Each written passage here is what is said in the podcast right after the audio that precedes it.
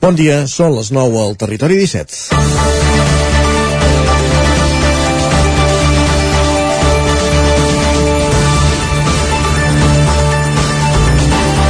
Aquesta setmana s'ha formalitzat la renúncia de cinc regidors de l'Ajuntament de Santa Eulàlia de Riu Primer, tenint en compte que les darreres eleccions només s'hi va presentar una sola llista, la d'Independents per Riu Primer, associada a Esquerra Republicana de Catalunya. Es tracta, per tant, també de cinc regidors del govern municipal. Hores d'ara, 15 dies després del comunicat on anunciaven la marxa i del ple on han formalitzat la renúncia, ningú, més enllà del govern municipal, sap quins són els motius que els han empès a sortir del consistori. Pany i forrellat i arremeten a un comunicat on es limitaven a dir que hi havia diferències a l'executiu en la manera d'entendre la política. La gestió pública no és una empresa privada. Els electes es deuen als electors, que els han fet confiança, i, aqu i aquests es mereixen una explicació raonada i raonable si el compromís s'acaba abans d'hora, sigui quin sigui el motiu. Sembla mentida, però aquestes alça que aquestes alçades, que aquest precepte bàsic de la societat democràtica encara s'hagi d'anar recordant. Benvinguts al Territori 17 a la sintonia d'una codinenca, la veu de Sant Joan, Ràdio Cardedeu, Ràdio Vic, el 9 FM i el 9 TV. Territori 17, amb Isaac Moreno i Jordi Sunyer.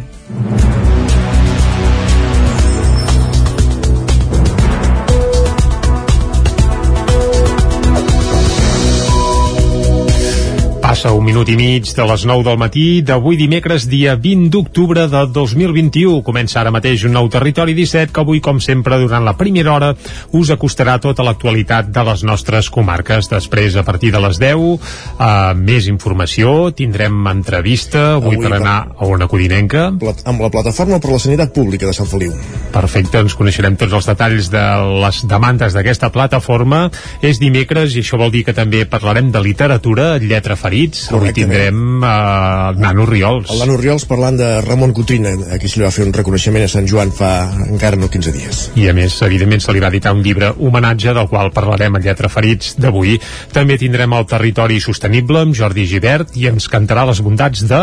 Ous ecològics de Sora. Carai, fantàstic. A pensar que només s'hi feien bolets, però també s'hi fan ous ecològics I formatge, I formatges també s'hi fan. Bé, i moltes coses més, evidentment. I uh, més coses que farem avui, doncs com que és dimecres, acabarem fent un repàs a l'agenda cultural per a aquest proper cap de setmana. Això Tot això... de pujar amb un tren d'aquests on també s'hi fan bolets. Exacte, també, també.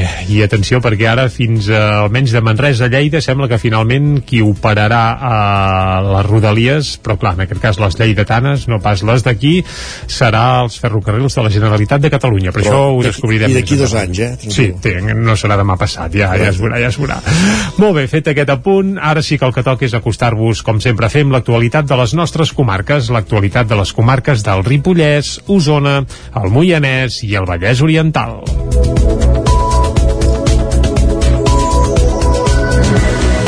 Resol per la via ràpida amb una sentència de conformitat condemnats a un any de presó els cinc acusats per la mort d'una nena de 4 anys a la piscina de Ripoll el 2017. Isaac Muntades, des de la veu de Sant Joan. El jutjat penal número 5 de Girona va condemnar un any de presó les quatre monitores i el director de la piscina de Ripoll acusats d'homicidi per imprudència greu per la mort de la nena de 4 anys ofegada en aquest equipament al maig de l'any 2017. La Fiscalia, les acusacions i les defenses van arribar a un acord per evitar el judici que començava aquest dimarts i s'havia d'acabar avui, ja que inicialment els hi havia demanat 3 anys de presó i 4 d'inhabilitació professional. Per tant, com que cap dels condemnats té antecedents, no hauran d'entrar a la presó. Segons recull la sentència que va llegir el jutge a la sala de vistes, les asseguradores ja van abonar la indemnització sol·licitada per la Fiscalia de més de 166.600 euros. Els cinc acusats van reconèixer que la nena va morir ofegada perquè van desatendre les seves funcions, tant organitzatives com de vigilància. De fet, el pare de la nena, Fran Medina, havia subratllat que per la família era clau que els processats reconeguessin la negligència i va assegurar que havien estat sensibles sensibles amb la situació acceptant la condemna, ja que ningú volia anar a judici perquè era molt dur per tothom, ja que els pares havien perdut una filla i els acusats no volien que aquesta situació s'hagués produït. Medina tampoc volia que els acusats complissin pena de presó i va demanar que la presència de socorristes sigui obligatòria a totes les piscines perquè la vida de molta gent depèn d'ells. Els acusats tampoc van ser inhabilitats per treballar com a monitors i socorristes o per dirigir instal·lacions esportives. Carles Monguilot, advocat representant del pare de la nena i de l'acusació particular, ja tenia clar abans d'entrar als jutjats que no seria fàcil obtenir tenir una inhabilitació. L'altra qüestió és si ha d'haver-hi o no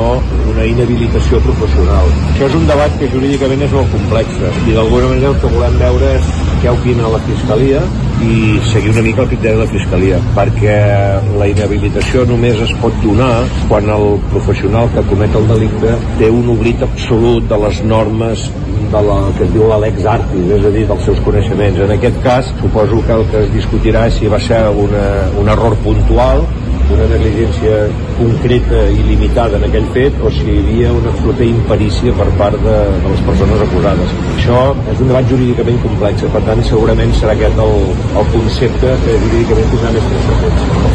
L'advocat de la mare, que també va exercir l'acusació particular, Víctor Koch, va insistir en que la sentència ja reflectia que s'havia produït un accident tràgic i que la família volia poder tancar el tema i passar pàgina. L'advocat de la defensa de tres de les monitores, Francesc Jofresa, també va apuntar que el judici hagués estat dolent per tothom i va recordar que s'havia reconegut la negligència i era una decisió judicial globalment satisfactòria perquè tothom ho havia passat malament i volia acabar-ho com més aviat millor. Com que la fiscal i les parts van renunciar a presentar un recurs, la sentència ja és ferma. Dos detinguts per estafar amb programari maliciós i blanquejar diners a través d'una botiga de telefonia de Granollers. David Auladell, des de Ràdio Televisió de Cardedeu. Els Mossos han desmantellat un grup que feia estafes bancàries a través de programes maliciosos i blanquejava els diners a través d'una botiga de telefonia de Granollers. Hi ha dos detinguts de 24 i 36 anys i s'investiga una tercera persona.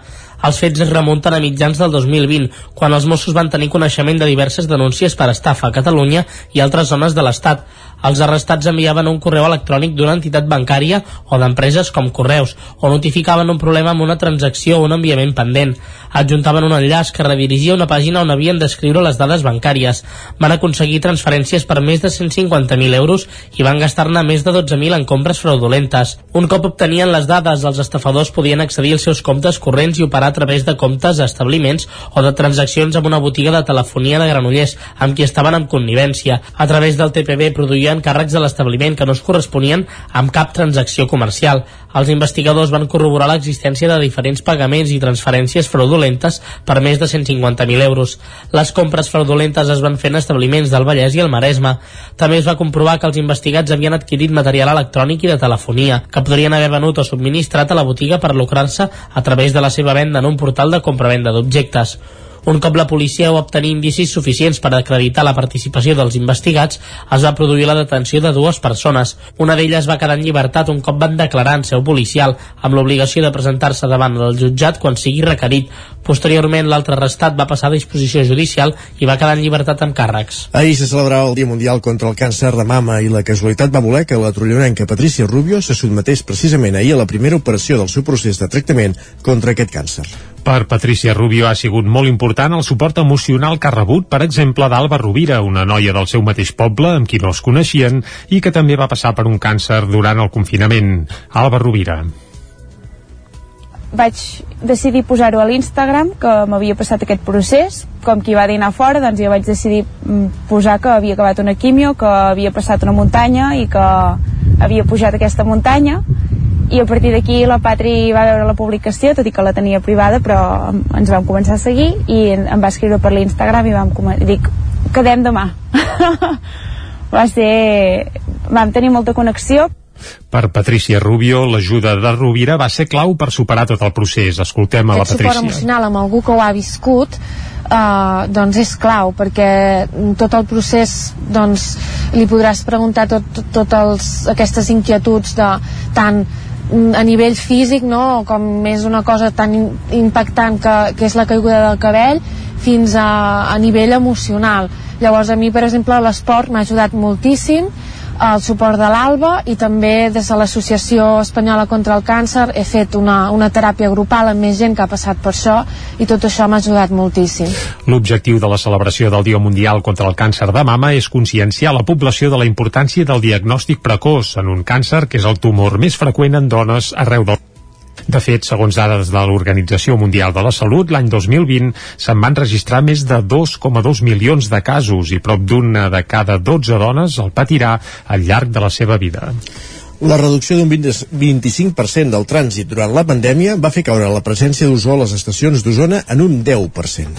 El vincle entre els compostos volàtils orgànics, la combustió dels motors dels vehicles i els, epido, els episodis d'elevats índexs d'ozó a la plana de Vic fa temps que es coneix, tal com es va explicar en el segon congrés de la qualitat de l'aire celebrat dijous i divendres passat a Sabadell, la reducció de la mobilitat que van provocar les mesures per fer front a la pandèmia va permetre confirmar un escenari idoni en l'objectiu de millorar la qualitat de l'aire a Osona. La reducció d'un 25% del trànsit respecte a una situació de normalitat que es va registrar durant l'estiu del 2020, moment en què l'ozó assoleix més, més presència, volem dir, en l'àmbit a causa de la radiació solar, va permetre disminuir en un 10% la presència d'aquest contaminant en zones receptores com la plana de Vic. Així ho va desgranar en una ponència magistral l'investigador i especialista en contaminació atmosfèrica Xavier Carol. En l'àmbit de l'ozó, Carol va destacar la importància de prendre mesures a escala local, però alhora també va parlar d'actuar esborrant fronteres entre països, ja que ens afecten corrents d'aire procedents, segons Carol, de l'àrea industrial de Marsella. En el mateix congrés també es va analitzar l'afectació per benzopirè i partícules PM10. En aquest àmbit es va destacar el pic per benzopirè que es va detectar a Manlleu a principis del 2017, procedent de la crema de biomassa.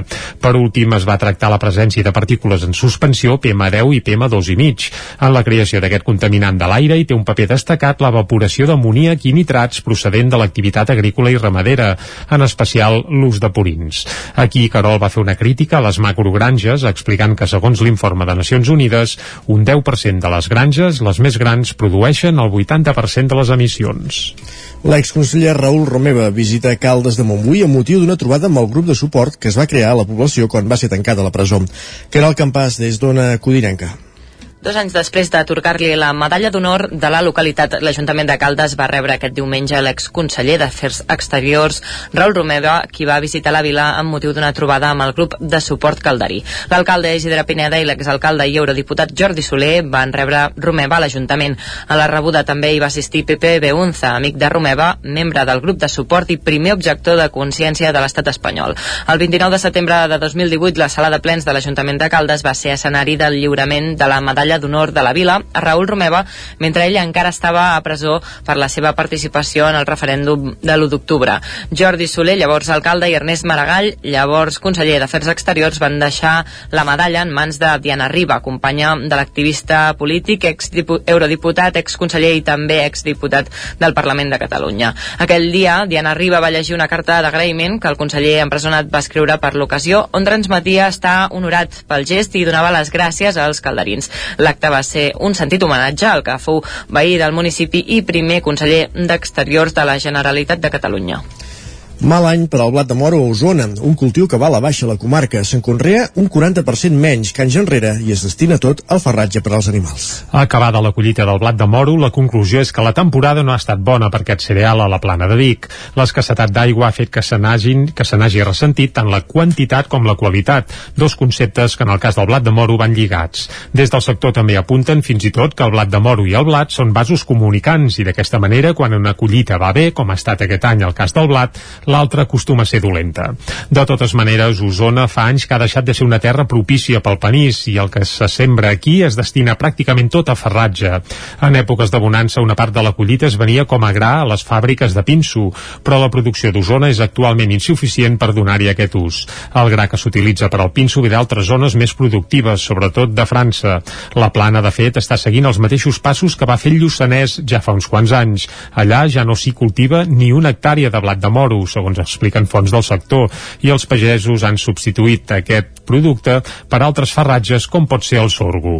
El panís és un cultiu de regadiu i els pagesos aquí ho fien tot en bona part a la pluja. Els indrets on es produeix blat de moro amb intensitat, com poden ser les terres de Lleida, Castella o França, es fa amb un sistema de regadiu per donar garanties a la plantació. Amb un estiu eixut, com el que hem passat, té lògica que no hagi estat favorable per a aquest cereal. Sense aigua i amb un bon substitut per al farratge, hi ha hagut un tercer element i segurament definitiu la, per renunciar precisament al plantar blat de moro i és el senglars. Tot plegat fa que actualment aquí a Osona es cultivi només el 30 o el 40% del panís que s'havia conreat anys enrere i tot es destina a ferratge pel bestiar. Després d'un any d'aturada obligada per la pandèmia, aquest diumenge Tavernoles va recuperar la festa remensa.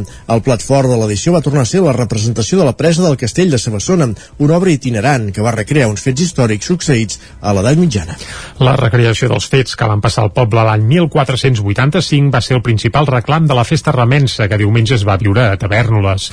Una proposta itinerant que va aterrar fa dos anys al municipi amb l'objectiu de donar un format renovat a la Fira de Sant Galderic. Hi van prendre part una cinquantena de persones persones, la majoria veïnes del poble. Àlex Sánchez és un dels actors que van participar a la presa del castell de Sabassona.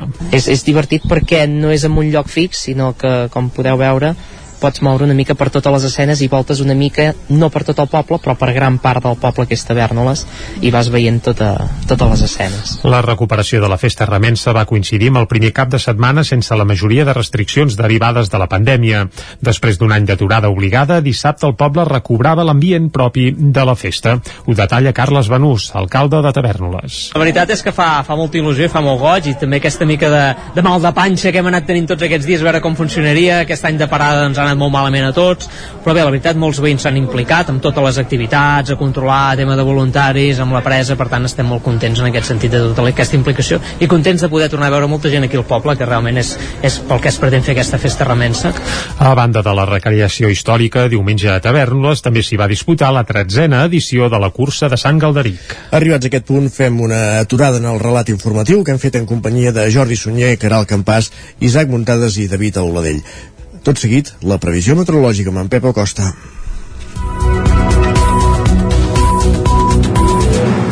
Doncs vinga, anem a conèixer què diu el temps. Casa Terradellos us ofereix el temps. Doncs au, saludem en Pep Acosta per saber el temps que ens espera per avui. Pep, bon dia. Hola, ja estem aquí a l'espai del temps d'aquest dimecres el temps eh, sempre important per veure quines coses heu de fer avui eh, quines activitats heu de programar uh -huh. eh, quina, quina jaqueta us heu de posar quin abric. Mm, pues bueno, anem a pel temps anem a pel temps. Ens llevem amb unes temperatures eh, força suaus força suaus, com deia. Eh, no fa fred no fa fred ni de bon tros només una mica de fred a molt alta muntanya entre 2, 3 graus a Núria i de Ter però bueno mmm, poca cosa eh? És veritat que a casa del pobre ens conformem amb poca cosa eh? Però, però això és molt això no són ni engrunes aquestes temperatures no, no. Hi hauria d'haver alguna glaçada avui eh, i no, no, no, no hi ha manera no hi ha manera a molts llocs, preditoral, interior, les mínimes, la majoria entre els 8 i els 12, 13 graus, també força, força suaus. I ens llevem amb una mica de núvols, sobretot cap al preditoral central, aquesta zona ja fa força dies que té aquests núvols baixos, una mica de boires, eh, i això es va desgastant aquests núvols a, a mesura que el sol apreta, a mesura que el sol escalfa. La situació eh, està dominada eh, per, per un pantà baromètric ara. L'anticicló s'està retirant cap als Balcans, està més lluny, s'està debilitant, no és tan fort com fa uns dies que estava al centre d'Europa molt, molt fort, està cap als als Balcans i es va debilitant una mica. I un petit front ens creuarà de cara a demà. Avui s'està costant de cara a demà, sembla que ens creuarà.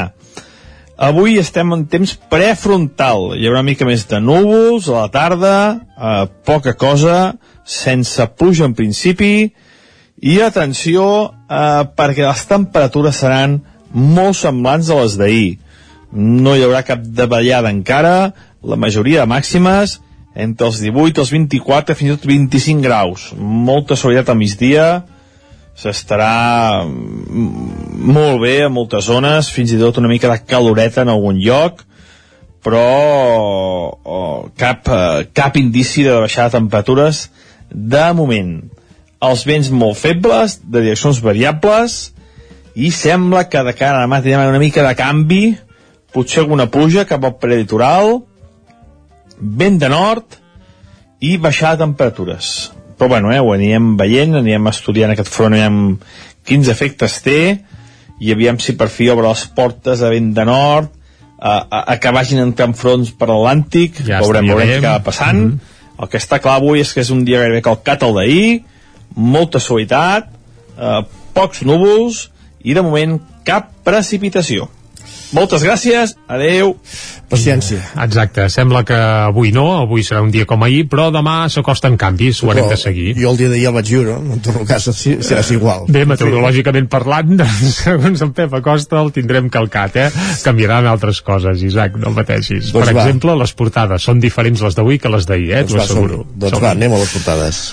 Casa Tarradellas us ha ofert aquest espai. Territori 17. Envia'ns les teves notes de veu per WhatsApp al 646 079 023. 646 079 023. WhatsApp Territori 17.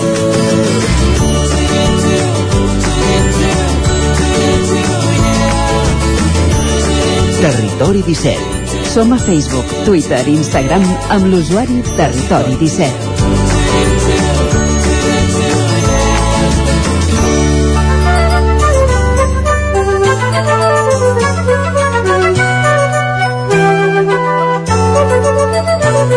Doncs és hora d'entrar al quiosc, d'obrir el diari, no, obrir-lo no, de fet ens quedem amb la primera pàgina, amb la portada i descobrim què hi diuen avui, què destaquen. Va, Jordi. per exemple, comencem pel punt avui. Abans ja hem fet un petit incís amb el tema de trens i de rodalies i el punt avui titula Assaig de traspàs i aquest assaig es tradueix en que el govern assumeix el servei de rodalies a Lleida a través de ferrocarrils de la Generalitat.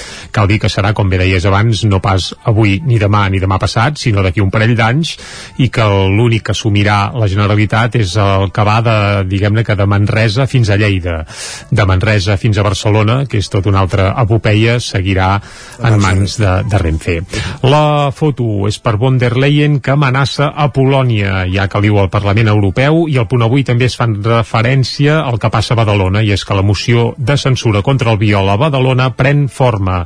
Sembla que podríem tenir el viol per poc, però vaja, fa, fa de mal dir, En perquè casos- aquest home té més vides que un Sí, gat. en casos de Badalona no, no gaires pronòstics. Sí, no, no, uh, tenint en compte bé, no, no recordarem que, què va passar amb l'antic uh, cap de llista socialista, però déu nhi el que no passi a Badalona no passa enlloc. Anem cap a l'ara, va. Uh, un terç dels nois veu normal el control digital de la parella. Aquest és el titular principal de l'ara, un titular que... Uf, Fa fredat. Sí, sí, és gairebé inexplicable, però bé, és fruit d'un estudi uh, que sap, uh, vaja, que no és de l'ABC ni del Mundo, perquè ens entenguem, no és una enquesta d'aquelles pim-pam-pum. Més coses, el govern apartarà Renfe de la gestió de Rodalies a Lleida, lligant una mica amb el que deia el punt avui. I la foto és pel silenci de plensa Mira Manhattan. El silenci és el títol d'una obra que ha fet aquest autor Plensa. Jaume Plensa, aquest escultor català, que presideix una mica, doncs, això, a Manhattan. La veritat és que fa goig, eh, aquesta, Sí, sí, no, realment les seves escultura. escultures Mhm. impacten. Va, anem cap a l'avantguàrdia. Iberdrola i Endesa planten el govern a la subhasta de renovables. Els dos grans, les dues grans elèctriques denuncien la inseguretat jurídica i carreguen contra la política energètica de l'executiu. Això és el que titula l'avantguàrdia. Uh, I el titular, uh, amb foto, això és el titular gros, la foto Nou futur per una línia abandonada. Parlen, evidentment, Manresa, d'aquesta Lleida. amb una estació on la foto és espectacular, plena de mates, deixada, feta a caldo, bé, aviam si quan ho assumeixi en la Generalitat... en trobaríem canvia. alguna a l'R3. Sí, sí, sí, no cal pas anar gaire lluny per fer fotos similars amb estacions que en teoria estan vives i actives. Anem cap al periòdico. Polònia planta cara a la Unió Europea i s'exposa a sancions. Més coses, la foto, llum contra el càncer de mama i es veu, eh, crec que és la pedrera de Barcelona, no, la Casa Batlló de Barcelona, eh, il·luminada de color rosa perquè ahir, com bé hem dit al butlletí informatiu, era el Dia Mundial contra el Càncer de Mama. Uh, també al cim de tot del periòdico el govern corregeix el PSOE per Otegui. Sabeu que alguns càrrecs del PSOE havien duat el que va dir ahir Otegui doncs, demanant, entre cometes, perdó per tot el que havia fet ETA, però el govern ja no s'ha apuntat a aquest carro, sinó que s'abona a les tesis, sí, sí. exacte, més uh, per dir-ho ros i Tot, tot curt. per una paraula, eh? Condemna. Si no dius aquesta paraula ja, ja no ets... Bé, doncs cadascú amb les seves paraules que vagi on vulgui. Va, anem cap al país.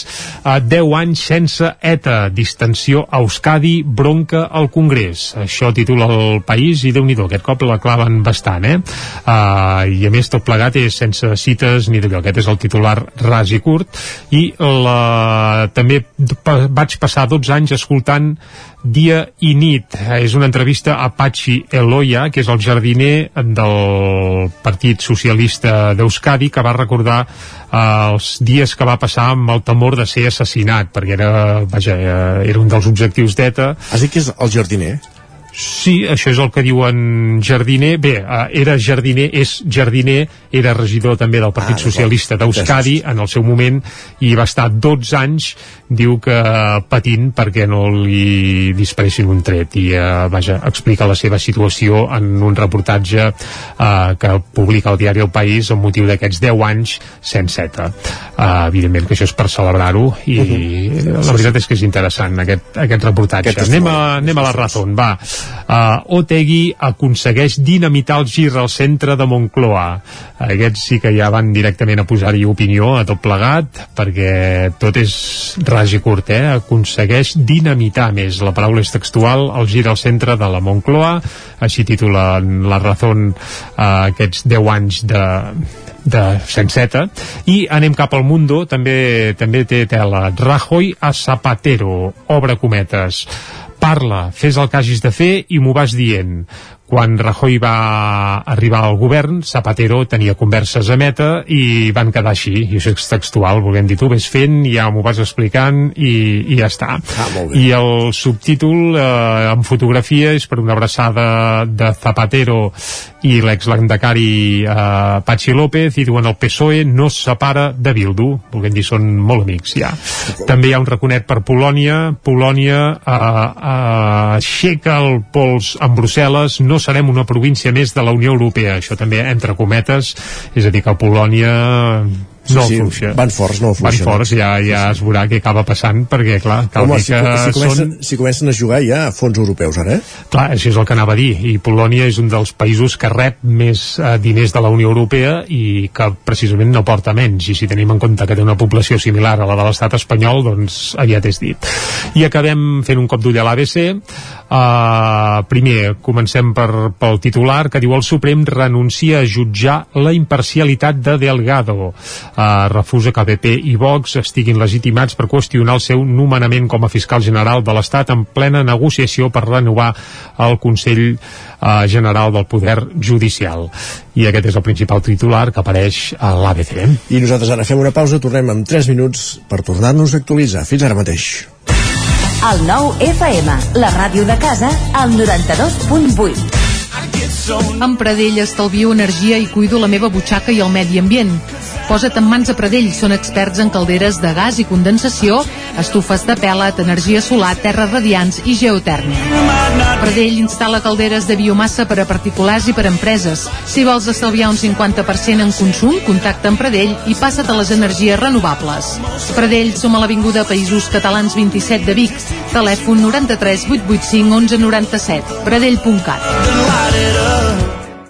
Vols noves sensacions en un ambient dels anys 80? Vine al restaurant 80s Spirit Peak. Emocions i bon menjar. Costelles amb salsa de barbacoa, 8 tipus d'amanides, hamburgueses 100% de carn de vedella, carn a la brasa, pollastre, plats combinats, varietat en tapes, hamburgueses per a vegans i vegetarians... Disposem de terrassa amb un ambient acollidor. Descomptes especials per a universitaris. 80s Spirit Peak. Ens trobaràs a la plaça de la Pietat 2 de Vic. Reserves al 93 679 44 43. Això és el que s'escolta al voltant d'una caldera saunier d'Oval. Tranquilitat i benestar, perquè gaudeix del millor manteniment del servei tècnic oficial per estar despreocupat. O el que vulgui. Informis a Oficiat Nord trucant al 938860040. Saunier Duval, sempre al seu costat. El racó de León. Gaudeix de la nostra terrassa. Vine a tastar les xuletilles de lechal a la brasa amb una bona amanida o el xuletón de vedella gallega. No et pots perdre el nostre lechado de Castilla al forn o el cochinillo a l'estil de Segovia. Tot acompanyat del millor celler, al menjador o fora la terrassa. Descobreix la millor cuina de Lleó sense moure't de casa. Vine amb la família, els amics, la parella o sol. T'encantarà. El racó de León, cuina tradicional lleonesa i de mercat. Som al carrer Torelló número 35 de Vic. Per reserves, telèfon 93 889 1950. El racó de León, una cuina diferent. Som especialistes en cargols a la llauna. Vine a tastar-los al racó de León. Ja tens la teva disfressa de Halloween? A Manli tenim les més terrorífiques. Vine a buscar caretes i tots els complements que et calguin per passar una nit de por. Ens trobareu al carrer de Ramon Soler número 1 de Vic i també a manli.cat. A Manli fem de la festa una bogeria. Anuncia't al 9FM. La màquina de casa. 9 3 8 8 9 4 9 4 9. Publicitat arroba al 9FM.cat. Anuncia't al 9FM. La publicitat més eficaç. El 9FM, el 9FM, el 9FM, el 9FM.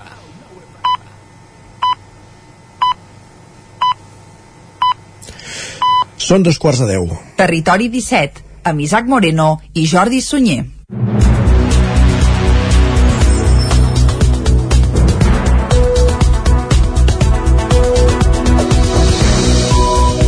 I a dos quarts de deu en punt, seguim en directe aquí a Territori 17, som dimecres, dia 20 d'octubre de 2021 i el que toca ara mateix és acostar-vos de nou tota l'actualitat de les nostres comarques. Després, abans de les 10, eh, hi posarem una mica de música. Avui estrena mundial d'una banda, d'un disc i d'un single, ja descobrireu quin, però la veritat és que es patega molt i molt bé, un Doncs- projecte eh, potser és més d'estiu perquè es titula Juriol, Juriol Mm. així a merda, Juriol. com s'ha dit tota la vida, Eh, vaja. Com s'ha dit sempre, exacte. Uh, però la veritat que escoltarem com es patega i val, val molt la pena. Molt bé. Uh, a partir de les 10, va, us acostarem de nou tota l'actualitat de casa nostra, després anirem a l'entrevista avui, Isaac, per Anem anar... a Sant Feliu de Codines per parlar amb la plataforma per la sanitat pública de Sant Feliu. Molt bé, després, com sempre, farem un repàs a les piulades del dia, taula, de redacció... I anem al Lletra Frits amb l'Isaac Muntades a Sant Joan de les Abadesses, a la veu de Sant Joan, avui en companyia de Nano Riols, parlant sobre aquest nou llibre de Ramon Cotrina. Molt bé, a les 11 en punt tornarem amb més informació. Anirem després al territori sostenible en Jordi Givert, que avui ens cantarà les bondats Dels de... ous ecològics de Sora, carai tu, i aquella hora ja se'ns Sí, obrirà. ja, exacte. I més per fer una bona truita. I com que som dimecres, després d'haver anat al tren, el que farem és acabar fent un repàs a l'agenda per aquest proper cap de setmana, l'agenda cultural, eh? A Bruce teatres, Springsteen, aquest cap de auditoris... setmana a Sant Joan de les Abadesses, tu, i en parlarem després també. Uh, bé, i els Beatles a Vic, ja t'ho Carai, dic ara. Si en Bruce és a, a, al Ripollès, els Beatles, els autèntics, a Vic. I no és... els, autè els autèntics... Bé, uh, jo, jo, jo, aviam si ens ho expliquen a la part final del programa, però ja et dic que, que és cert, eh? Molt bé, molt bé. Té truc, però és cert. Tot això ho farem des d'ara mateix i fins a les 12 Ves del coneix els migdia. estons de Granollers, també. Ah, això ja no ho sabem, però podria ser també. Va, ara el que toca és repassar de nou l'actualitat de casa nostra, l'actualitat de les comarques del Ripollès, Osona, el Moianès i el Vallès Oriental. Oriental. Resol per la via ràpida amb una sentència de conformitat condemnats a un any de presó els cinc acusats per la mort d'una nena de 4 anys a la piscina de Ripoll el 2017. Isaac Muntades, des de la veu de Sant Joan. El jutjat penal número 5 de Girona va condemnar un any de presó les quatre monitores i el director de la piscina de Ripoll acusats d'homicidi per imprudència greu per la mort de la nena de 4 anys ofegada en aquest equipament al maig de l'any 2017. La Fiscalia, les acusacions i les defenses van arribar a un acord per evitar el judici que començava aquest dimarts i s'havia d'acabar avui, ja que inicialment els hi havia demanat 3 anys de presó i 4 d'inhabilitació professional. Per tant, com que cap dels condemnats té antecedents, no hauran d'entrar a la presó. Segons recull la sentència que va llegir el jutge a la sala de vistes, les asseguradores ja van abonar la indemnització sol·licitada per la Fiscalia de més de 166.600 euros. Els cinc acusats van reconèixer que la nena va morir ofegada perquè van desatendre les seves funcions, tant organitzatives com de vigilància. De fet, el pare de la nena, Fran Medina, havia subratllat que per la família era clau que els processats reconeguessin la negligència i va assegurar que havien estat sensibles compatibles amb la situació acceptant la condemna, ja que ningú volia anar a judici perquè era molt dur per tothom, ja que els pares havien perdut una filla i els acusats no volien que aquesta situació s'hagués produït. Medina tampoc volia que els acusats complissin pena de presó i va demanar que la presència de socorristes sigui obligatòria a totes les piscines perquè la vida de molta gent depèn d'ells. Els acusats tampoc van ser inhabilitats per treballar com a monitors i socorristes o per dirigir instal·lacions esportives. Carles Monguilot, advocat representant del pare de la nena i de l'acusació particular, ja tenia clar abans d'entrar als jutjats que no seria fàcil obtenir una inhabilitació. L'altra qüestió és si ha d'haver-hi o no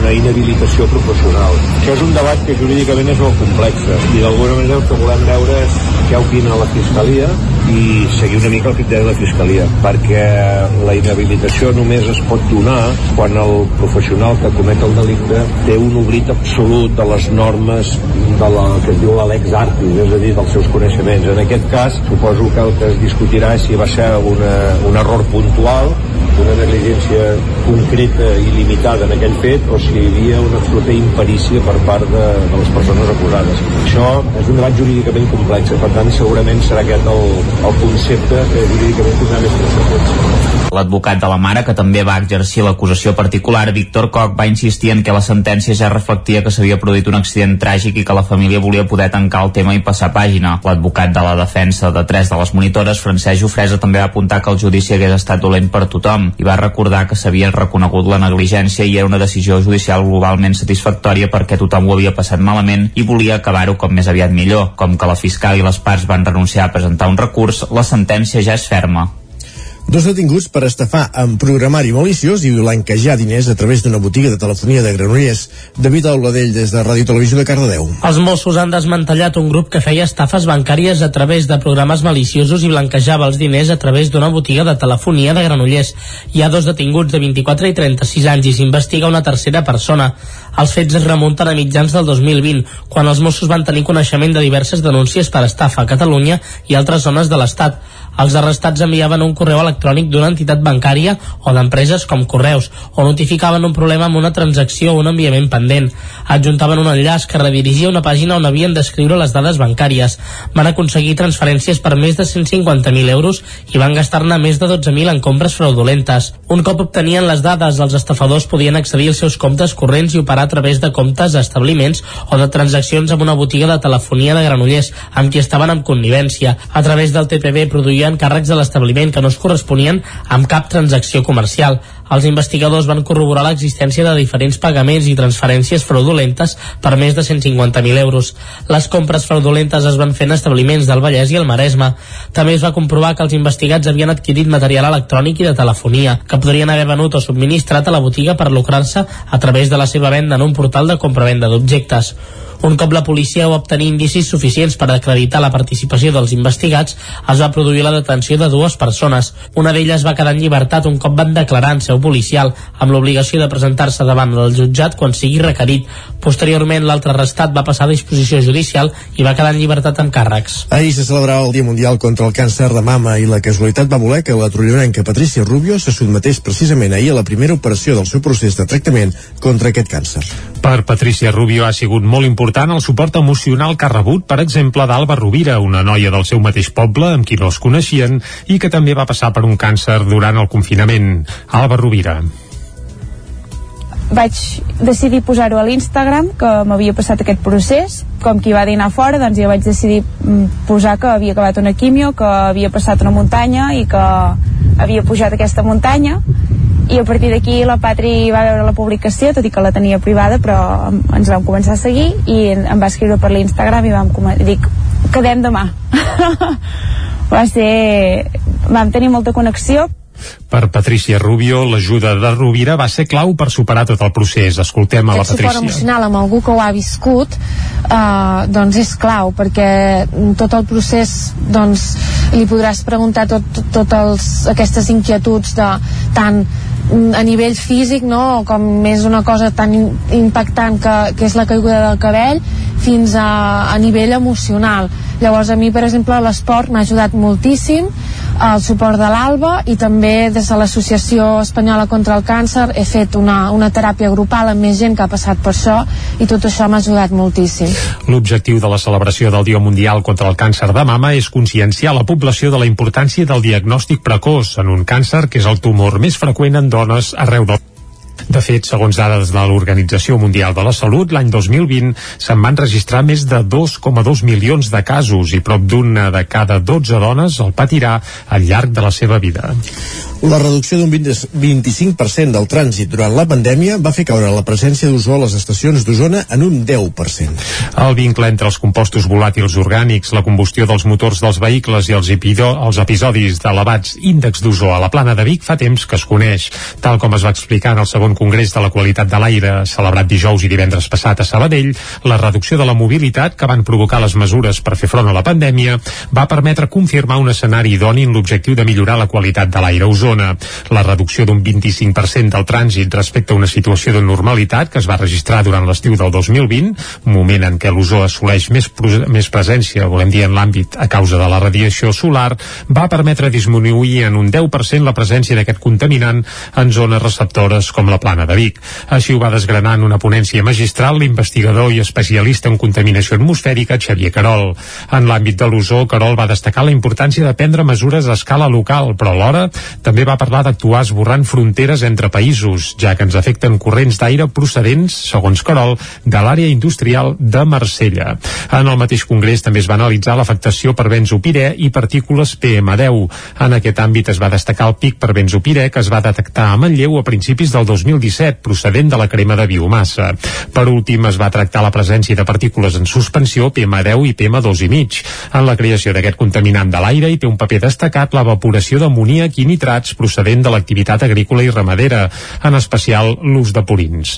Aquí Carol va fer una crítica a les macrogranges, explicant que segons l'informe de Nacions Unides, un 10% de les granges, les més grans, produeixen el 80% de les emissions. L'exconseller Raül Romeva visita Caldes de Montbui amb motiu d'una trobada amb el grup de suport que es va crear a la població quan va ser tancada la presó. Caral Campàs, des d'Ona Codirenca.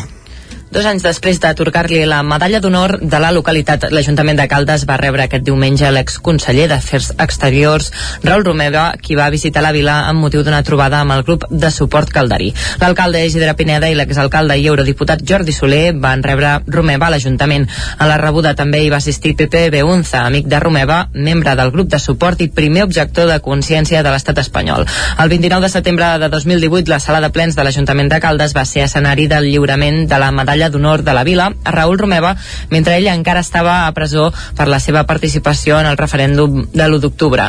Jordi Soler, llavors alcalde, i Ernest Maragall, llavors conseller d'Afers Exteriors, van deixar la medalla en mans de Diana Riba, companya de l'activista polític, exeurodiputat, exconseller i també exdiputat del Parlament de Catalunya. Aquell dia, Diana Riba va llegir una carta d'agraïment que el conseller empresonat va escriure per l'ocasió, on transmetia estar honorat pel gest i donava les gràcies als calderins. L'acte va ser un sentit homenatge al que fou veí del municipi i primer conseller d'Exteriors de la Generalitat de Catalunya. Mal any per al blat de moro a Osona, un cultiu que va a la baixa a la comarca. Se'n conrea un 40% menys que anys enrere i es destina tot al farratge per als animals. Acabada la collita del blat de moro, la conclusió és que la temporada no ha estat bona per aquest cereal a la plana de Vic. L'escassetat d'aigua ha fet que se n'hagi ressentit tant la quantitat com la qualitat, dos conceptes que en el cas del blat de moro van lligats. Des del sector també apunten fins i tot que el blat de moro i el blat són vasos comunicants i d'aquesta manera, quan una collita va bé, com ha estat aquest any el cas del blat, l'altra acostuma a ser dolenta. De totes maneres, Osona fa anys que ha deixat de ser una terra propícia pel panís i el que se sembra aquí es destina pràcticament tot a ferratge.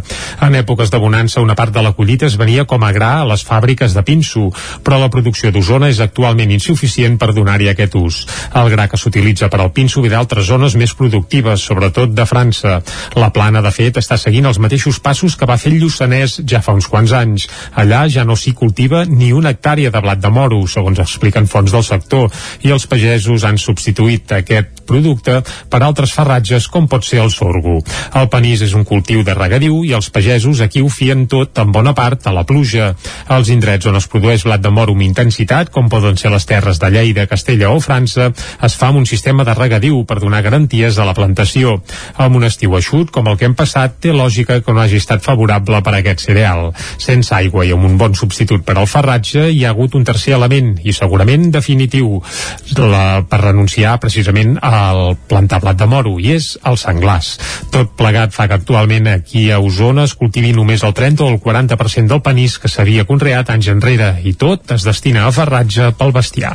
Després d'un any d'aturada obligada per la pandèmia, aquest diumenge a Tavernoles va recuperar la festa remensa. El plat fort de l'edició va tornar a ser la representació de la presa del castell de Sabassona, una obra itinerant que va recrear uns fets històrics succeïts a l'edat mitjana.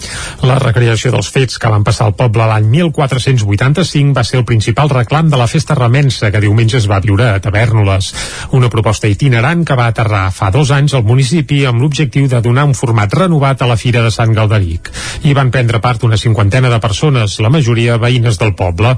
Àlex Sánchez és un dels actors que van participar a la presa del castell de Sabassona. És, és divertit perquè no és en un lloc fix, sinó que, com podeu veure, pots moure una mica per totes les escenes i voltes una mica, no per tot el poble, però per gran part del poble que és Tavernoles, i vas veient tota, totes les escenes. La recuperació de la festa remensa va coincidir amb el primer cap de setmana sense la majoria de restriccions derivades de la pandèmia. Després d'un any d'aturada obligada, dissabte el poble recobrava l'ambient propi de la festa. Ho detalla Carles Benús, alcalde de Tavernoles. La veritat és que fa, fa molta il·lusió, fa molt goig i també aquesta mica de, de mal de panxa que hem anat tenint tots aquests dies, a veure com funcionaria. Aquest any de parada ens ha anat molt malament a tots, però bé, la veritat, molts veïns s'han implicat amb totes les activitats, a controlar, tema de voluntaris, amb la presa, per tant estem molt contents en aquest sentit de tota aquesta implicació i contents de poder tornar a veure molta gent aquí al poble, que realment és, és pel que es pretén fer aquesta festa remensa. A banda de la recreació històrica, diumenge a Tavernoles també s'hi va disputar la tretzena edició de la cursa de Sant Galderic. Arribats a aquest punt, fem una aturada en el relat informatiu que hem fet en companyia de Jordi Sunyer, Caral Campàs, Isaac Muntades i David Auladell. Tot seguit, la previsió meteorològica amb en Pep Acosta.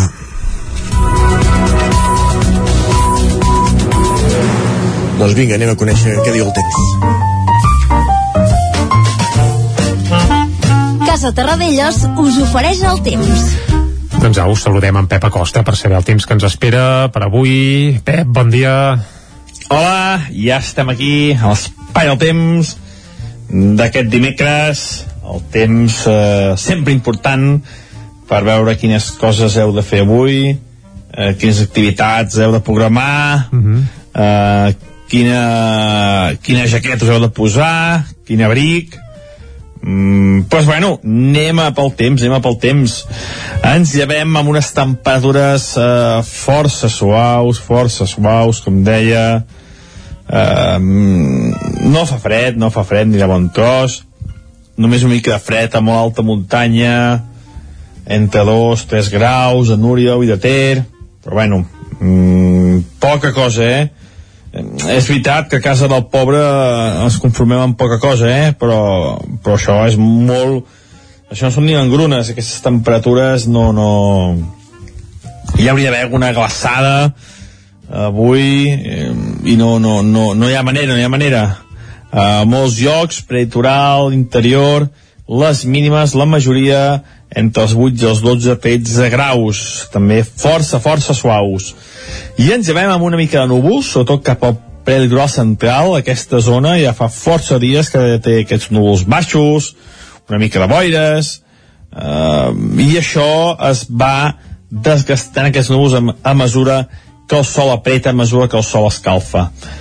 La situació eh, està dominada eh, per, per un pantà baromètric ara. L'anticicló s'està retirant cap als Balcans, està més lluny, s'està debilitant, no és tan fort com fa uns dies que estava al centre d'Europa molt, molt fort, està cap a zona dels Balcans i es va debilitant una mica.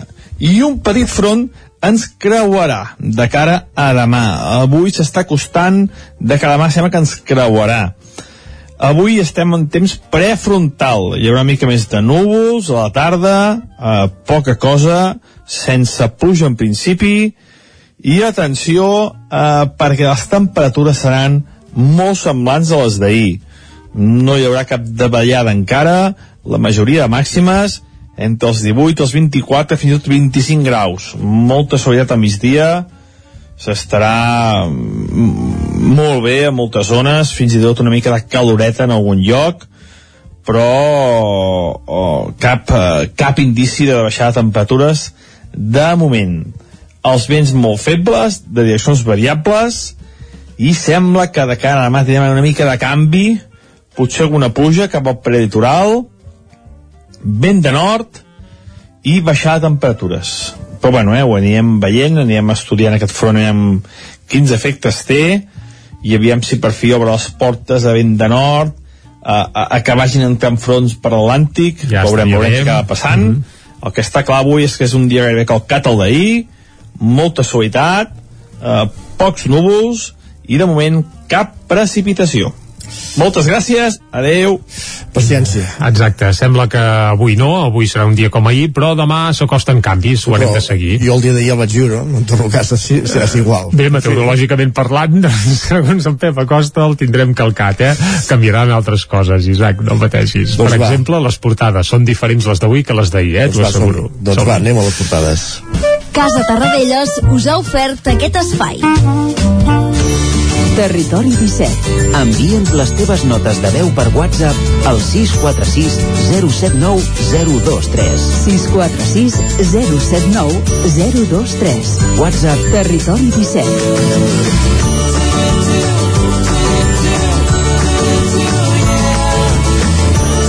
Territori 17. Som a Facebook, Twitter i Instagram amb l'usuari Territori 17.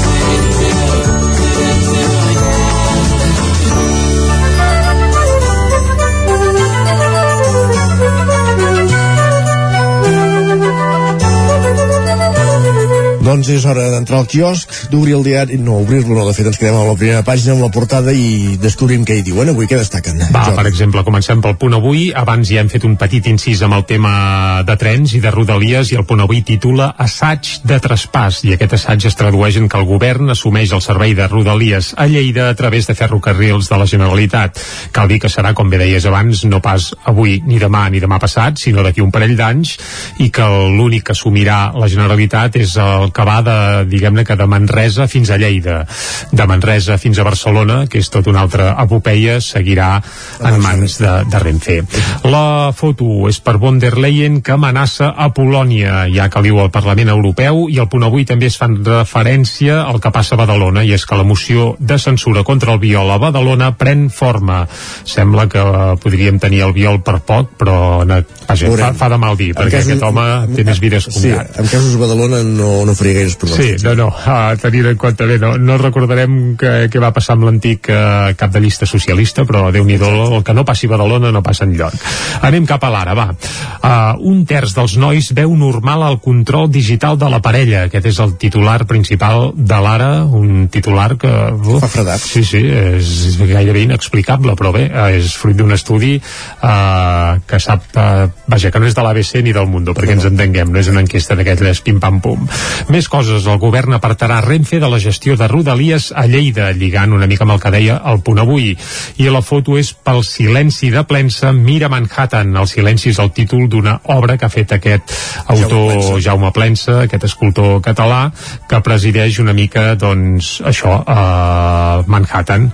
La veritat és que fa goig, eh, aquesta, Sí, sí, realment les seves escultures escultura. Mhm. impacten. Va, anem cap a l'avantguàrdia. Iberdrola i Endesa planten el govern a la subhasta de renovables. Els dos grans, les dues grans elèctriques denuncien la inseguretat jurídica i carreguen contra la política energètica de l'executiu. Això és el que titula l'avantguàrdia.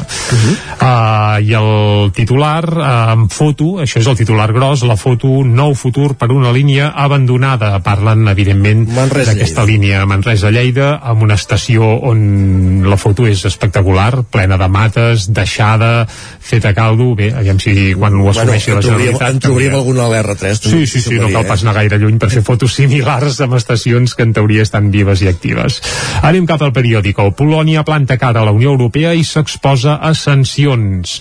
Més coses, la foto, llum contra el càncer de mama i es veu, eh, crec que és la Pedrera de Barcelona, no, la Casa Batlló de Barcelona, eh, il·luminada de color rosa perquè ahir, com bé hem dit al butlletí informatiu, era el Dia Mundial contra el Càncer de Mama. Uh, també al cim de tot el periòdico el govern corregeix el PSOE per Otegui. Sabeu que alguns càrrecs del PSOE havien duat el que va dir ahir Otegui doncs, demanant, entre cometes, perdó per tot el que havia fet ETA, però el govern ja no s'ha apuntat a aquest carro, sinó que s'abona les tesis, sí, sí. exacte, més uh, per dir-ho ros i curt. Tot per una paraula, eh? Condemna. Si no dius aquesta paraula ja, ja no ets Bé, doncs cadascú amb les seves paraules que vagi on vulgui. Va, anem cap al país.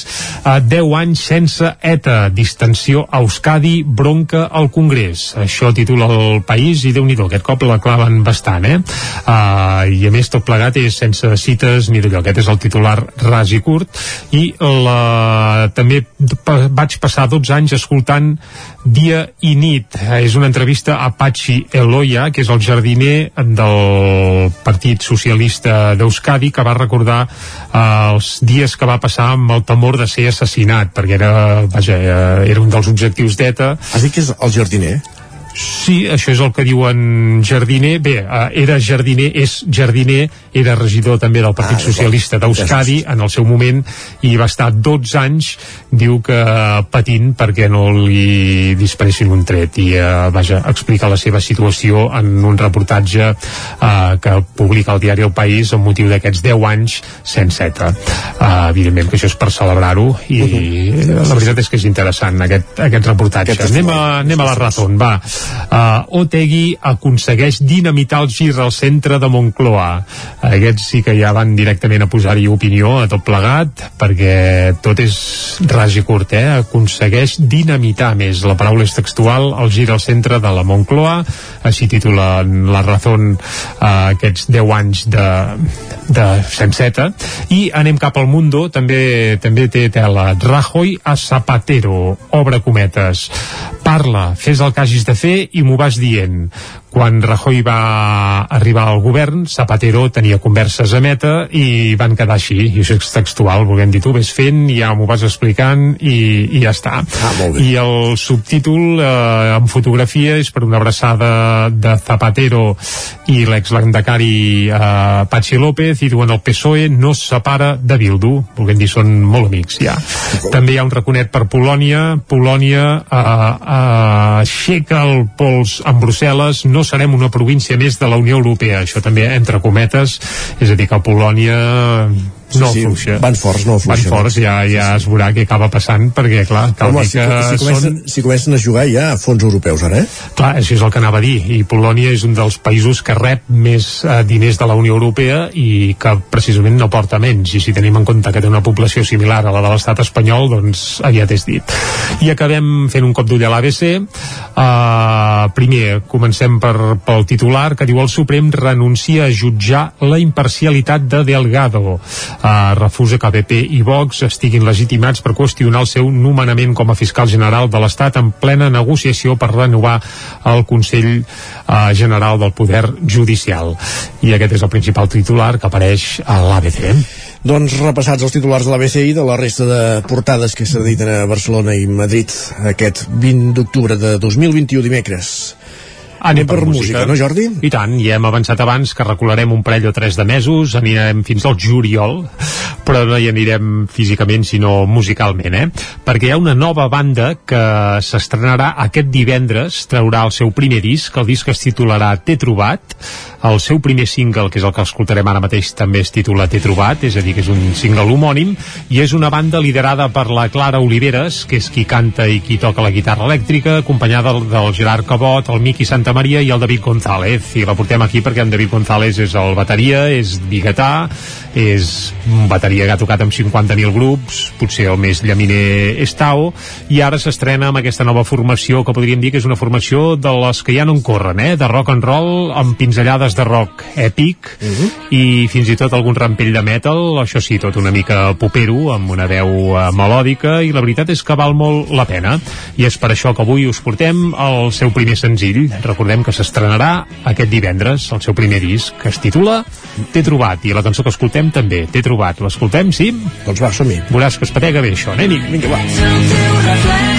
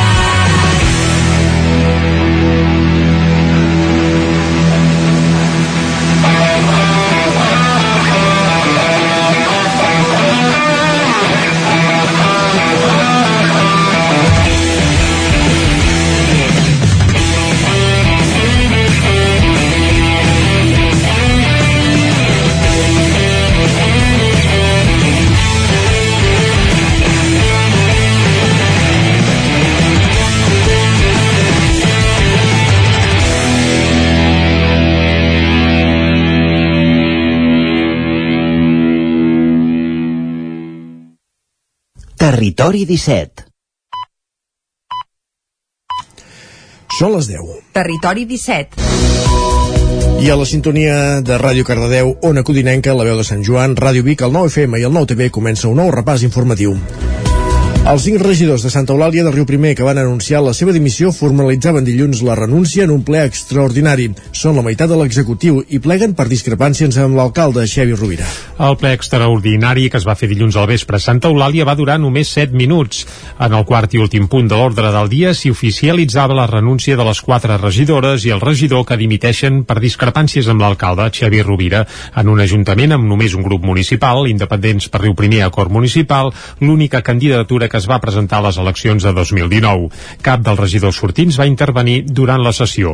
Rovira, en canvi, els va agrair la seva tasca a l'Ajuntament. I L'escoltem. s'ha treballat molt i molt bé per desenvolupar els projectes i especialment per gestionar un tema inesperat i terrible per al poble com ha sigut la pandèmia. Tothom s'hi va deixar la pell. Igual que en molts altres temes, temes i penso que el poble, l'equip de govern i especialment jo mateix com a alcalde els ho hem d'agrair de manera molt sentida. No ha sigut possible acabar junts aquesta legislatura, però s'ha garantit un molt bon traspàs a les cinc persones noves que s'hauran d'incorporar a l'equip de govern. Cristina Uriel, Jordina Juventeny, Alba Roura, Ivet Marçal i Martí Oliveres només s'han pronunciat públicament a través d'un comunicat en què diuen que deixen l'Ajuntament per una qüestió de concepte, fons i manera d'entendre i aplicar la política al municipi. A la marxa de més de la meitat del govern s'hi afegeix que només dues de les deu persones que anaven de suplents a la llista han dit que sí en, a l'entrar a l'Ajuntament. Les altres tres persones que s'hi incorporaran, segons Xavi Rovira, Rovira seran del grup que donava suport a la candidatura. De moment s'han anunciat dos dels cinc noms dels nous regidors. Són Jordi Torrente, que havia estat sis anys a l'Ajuntament, i Joan Montells, regidor entre els anys 1987 i 1991. Encara no hi ha data perquè els nous membres de l'executiu prenguin possessió, de manera que per ara el govern de Santa Eulàlia el formen l'alcalde i tres regidors més. Fins al dia 1 de novembre es pot visitar a la sala de Calbac de Prats de Lluçanès l'exposició Desenterrant la memòria. Els primers anys de la repressió franquista a Prats. La inauguració de la mostra divendres passat va ser l'acte central d'un cap de setmana dedicat a recuperar la memòria dels vençuts de la Guerra Civil i la repressió franquista. Prats de Lluçanès ha viscut un cap de setmana de retrobament amb el seu passat més dramàtic, amb les jornades de memòria històrica que van arrencar divendres amb la inauguració de l'exposició Desenterrant la memòria sobre la repressió franquista al municipi. La mostra és un recull de documents, fotografies i testimonis a càrrec de la periodista Anna Gorgs i la historiadora Roger Reixac, autores del doble volum sobre la història del poble en aquell període convuls. Escoltem a Anna Gorgs. i ha estat un tema molt silenciat del qual no se n'ha parlat ni en l'àmbit públic ni moltes vegades en, en un àmbit eh, privat familiar ens trobem això descendents de gent que va, va viure aquest període doncs que no saben que el, que el seu pare, que el seu avi havia estat tancat a, a la presó L'exposició parteix de la recerca feta per les dues escriptores pel llibre que van editar l'any 2019, a més que eh, d'ampliada, ampliada, volem dir, amb més documentació inèdita. La publicació del doble volum va permetre obrir noves portes i atraure l'atenció de familiars i descendents de víctimes de la repressió, ho explica Roser Reixac. Per tant, hem descobert eh, les vides de persones que desconeixíem i també hem tingut més, més documents i més fotografies que no teníem i tot just fa dos anys. Vol dir que eh, pot ser immens eh, el que puguem arribar a trobar amb, amb, amb el temps. La mostra fa un recorregut per la història dels qui es van quedar aquí i van patir la repressió franquista i també la dels qui van marxar i van patir la persecució nazi i van acabar morint als camps d'extermini. A més de la inauguració de l'exposició de divendres, les activitats de recuperació de la memòria del cap de setmana a Prats es van completar amb la presentació d'un llibre i un documental sobre les milicianes antifeixistes dissabte i es van cloure diumenge amb un recorregut guiat pels espais de memòria de Prats de la mà del polític represaliat Raül Romeva. Tots els ciutadans del món poden salvar una vida. Aquest és el lema que va, que va marcar la Jornada Mundial de Conscienciació de l'aturada cardiorrespiratòria que es va mo- commemorar dissabte. I a Vic, al Parc Miquel, Miquel Coll i a l'entorn, l'empresa biguetana Caruàs 365 va organitzar una jornada de formació acreditada en suport vital i ús de desfibriladors externs. La va liderar Joan Carles Moles, infermer de professió, que va destacar la importància que la ciutadania sàpiga com ha de reaccionar davant d'una emergència. Al final és una jornada de sensibilització, com cada any el dia 16 d'octubre, per aproximar doncs, a, els coneixements a la ciutadania. Són coneixements que els portaràs amb tu i els pots fer servir tant al- a l'àmbit professional com en l'àmbit domèstic, eh, com pel carrer. Llavors és una formació que portes dins, que està esta- estandarditzat a nivell europeu i que realment la gent està veient que és una formació que salva vides. I això és un missatge bastant contundent perquè s'ha vist que aquesta actuació primerenca de la gent que sap actuar i de disposar d'un equipament desfilador en els primers minuts salva vides.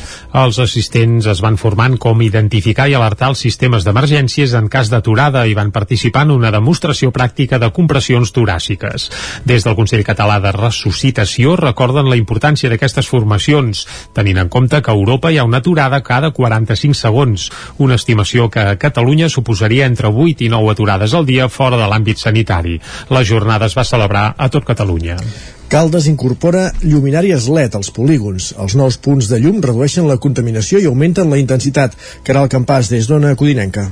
Caldes està substituint 159 lluminàries dels polígons La Borda i el Pinatà per LEDs, fet que suposarà la millora de la il·luminació exterior i la reducció de CO2. Els treballs consisteixen en la substitució de 118 punts de llum a la Borda, que suposaran un estalvi de 9.996 kW l'any, i de 41 al Pinatà, que suposaran un estalvi de 3.444 kW l'any. La substitució de vapor de sodi per LEDs es tradueix en una millora de l'eficàcia, de l'eficiència i de la il·luminació que augmenta entre entre 2 i 10 lux la mitjana actual de llum en lluminàries més sostenibles. La substitució de lluminàries als polígons industrials s'està aprofitant per instal·lar el nou sistema de telegestió de l'enllumenat també en aquests sectors. Amb la instal·lació d'aquestes lluminàries es completa, per tant, la substitució de punts de llum de sodi per tecnologia LED al nucli urbà i als polígons. Està previst que els treballs estiguin enllestits a finals d'aquest mes.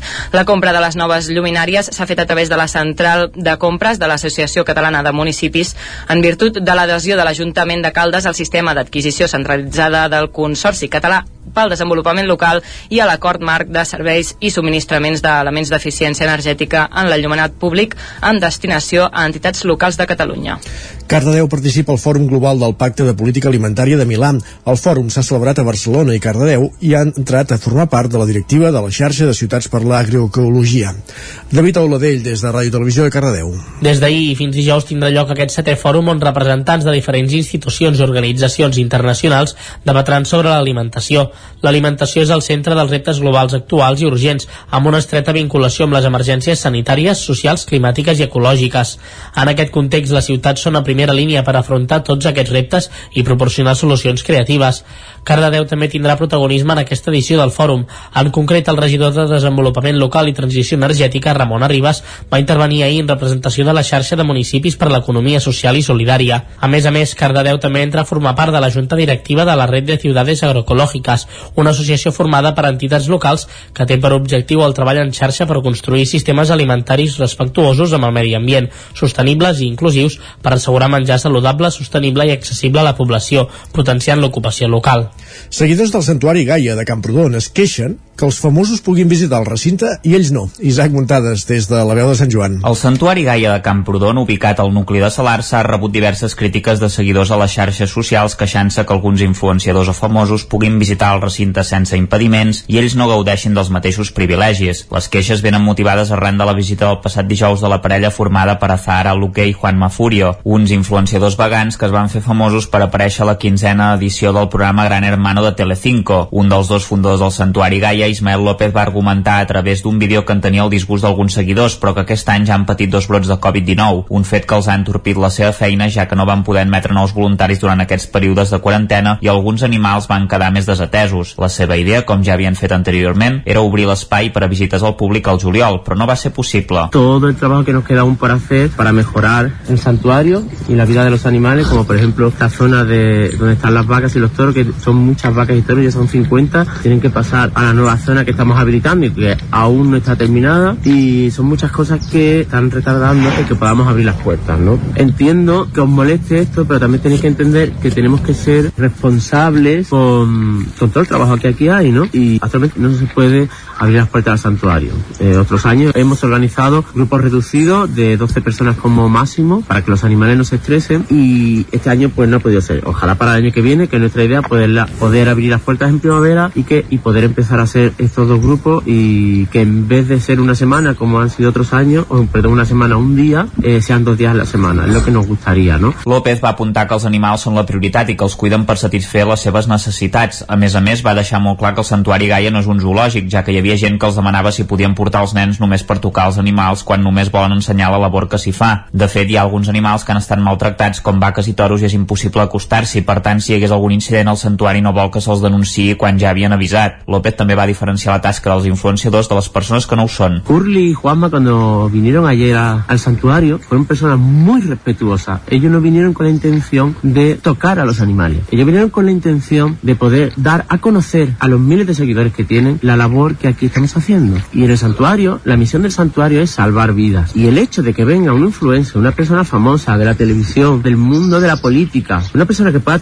llegar a tener más alcance, eso hará que muchas más personas se conciencien sobre el daño que estamos haciendo a los animales. Entonces eso, esa visita hace bien a los animales. De totes maneres, López va dir que també hi ha molts famosos que estan desitjant fer una visita al Santuari Gaia i han de prioritzar qui ve perquè també ha de ser un dia que els hi vagi bé per no deixar desatesos els animals. Per exemple, les actrius Núria Gago o Natalie Poza no han pogut venir i segons López entenen perfectament que primer són els animals. De fet, una visita per veure en detall el recinte pot durar entre 4 i 5 hores.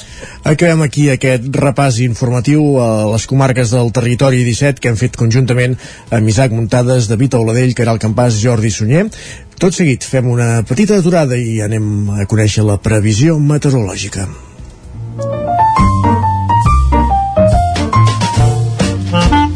Casa Terradellos us ofereix el temps. Doncs quan passen 12 minutets de les 10 del matí és l'hora de tornar a parlar del temps i actualitzar la informació. Ho farem com sempre amb en Pep Acosta, que no és el Santuari Gaia, sinó que és fer la, la previsió. Eh? Uh, el saludem, Isaac, sí? Tampoc m'atreviria a dir on és i on no és, eh? però vaja. Bé, no sé, no sé. De moment que ens parli del temps. Uh, Pep, bon dia. Som-hi, Pep, bon dia. Hola, Hola, ja hola. estem aquí a l'espai del temps. Correcte. Ens llevem amb unes temperatures eh, força suaus, força suaus, com deia. Eh, no fa fred, no fa fred ni de bon tros. Només una mica de fred a molt alta muntanya, entre 2, 3 graus, a Núria i de Ter. Però bueno, mm, poca cosa, eh? A molts llocs, prelitoral, interior, les mínimes, la majoria entre els 8 i els 12, 13 graus, també força, força suaus. I ens llevem amb una mica de núvols, sobretot cap al prelitoral central, aquesta zona ja fa força dies que té aquests núvols baixos, una mica de boires, eh, i això es va desgastant aquests núvols a, a mesura que el sol apreta, a mesura que el sol escalfa. La situació eh, està dominada per un pantà baromètric ara. L'anticicló s'està retirant cap als Balcans, està més lluny, s'està debilitant, no és tan fort com fa uns dies que estava al centre d'Europa molt, molt fort, està cap a la zona dels Balcans i es va debilitant una mica. I un petit front ens creuarà de cara a demà. Avui s'està costant de a demà, sembla que ens creuarà. Avui estem en temps prefrontal. Hi haurà una mica més de núvols a la tarda, eh, poca cosa, sense pluja en principi, i atenció eh, perquè les temperatures seran molt semblants a les d'ahir. No hi haurà cap davallada encara, la majoria de màximes entre els 18 els 24, fins i tot 25 graus. Molta suavitat al migdia i sembla que de cara a demà tindrem una mica de canvi, potser alguna pluja cap al prelitoral, vent de nord i baixada de temperatures. Però bueno, eh, ho anirem veient, anirem estudiant aquest front, anirem quins efectes té, i aviam si per fi obre les portes a vent de nord, a, a, a que vagin entrant fronts per l'Atlàntic, veurem, veurem què acaba passant. El que està clar avui és que és un dia gairebé calcat al d'ahir, molta suavitat, pocs núvols i de moment cap precipitació. Moltes gràcies i fins demà. Adeu. Vinga, Pep, No fins demà. Exacte, aviam demà què passa, va. Si estaria bé un ruixadet, eh, Isaac? Sí, algun, alguns de, de continuats en el temps. Faríem falta, faríem falta. Va, anem cap a l'entrevista. Som-hi, va, i ens esperen a Ona Codinenca, som-hi. Casa Tarradellas us ha ofert aquest espai. Territori 17. Envia'ns les teves notes de veu per WhatsApp al 646 079 023. 646 079 023. WhatsApp Territori 17.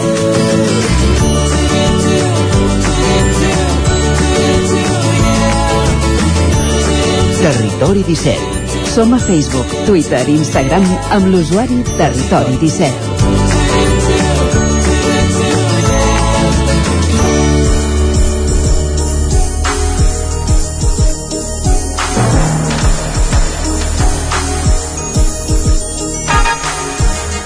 Us ho hem anat explicant aquests dies a l'informatiu. El Servei de Pediatria de Sant Feliu de Codines continua al punt de mira. Des del Servei Català de la Salut asseguren que es mantindrà i des de la Plataforma per la Sanitat Pública, organitzada per un grup de ciutadans, continuen denunciant que ara no hi ha aquest servei.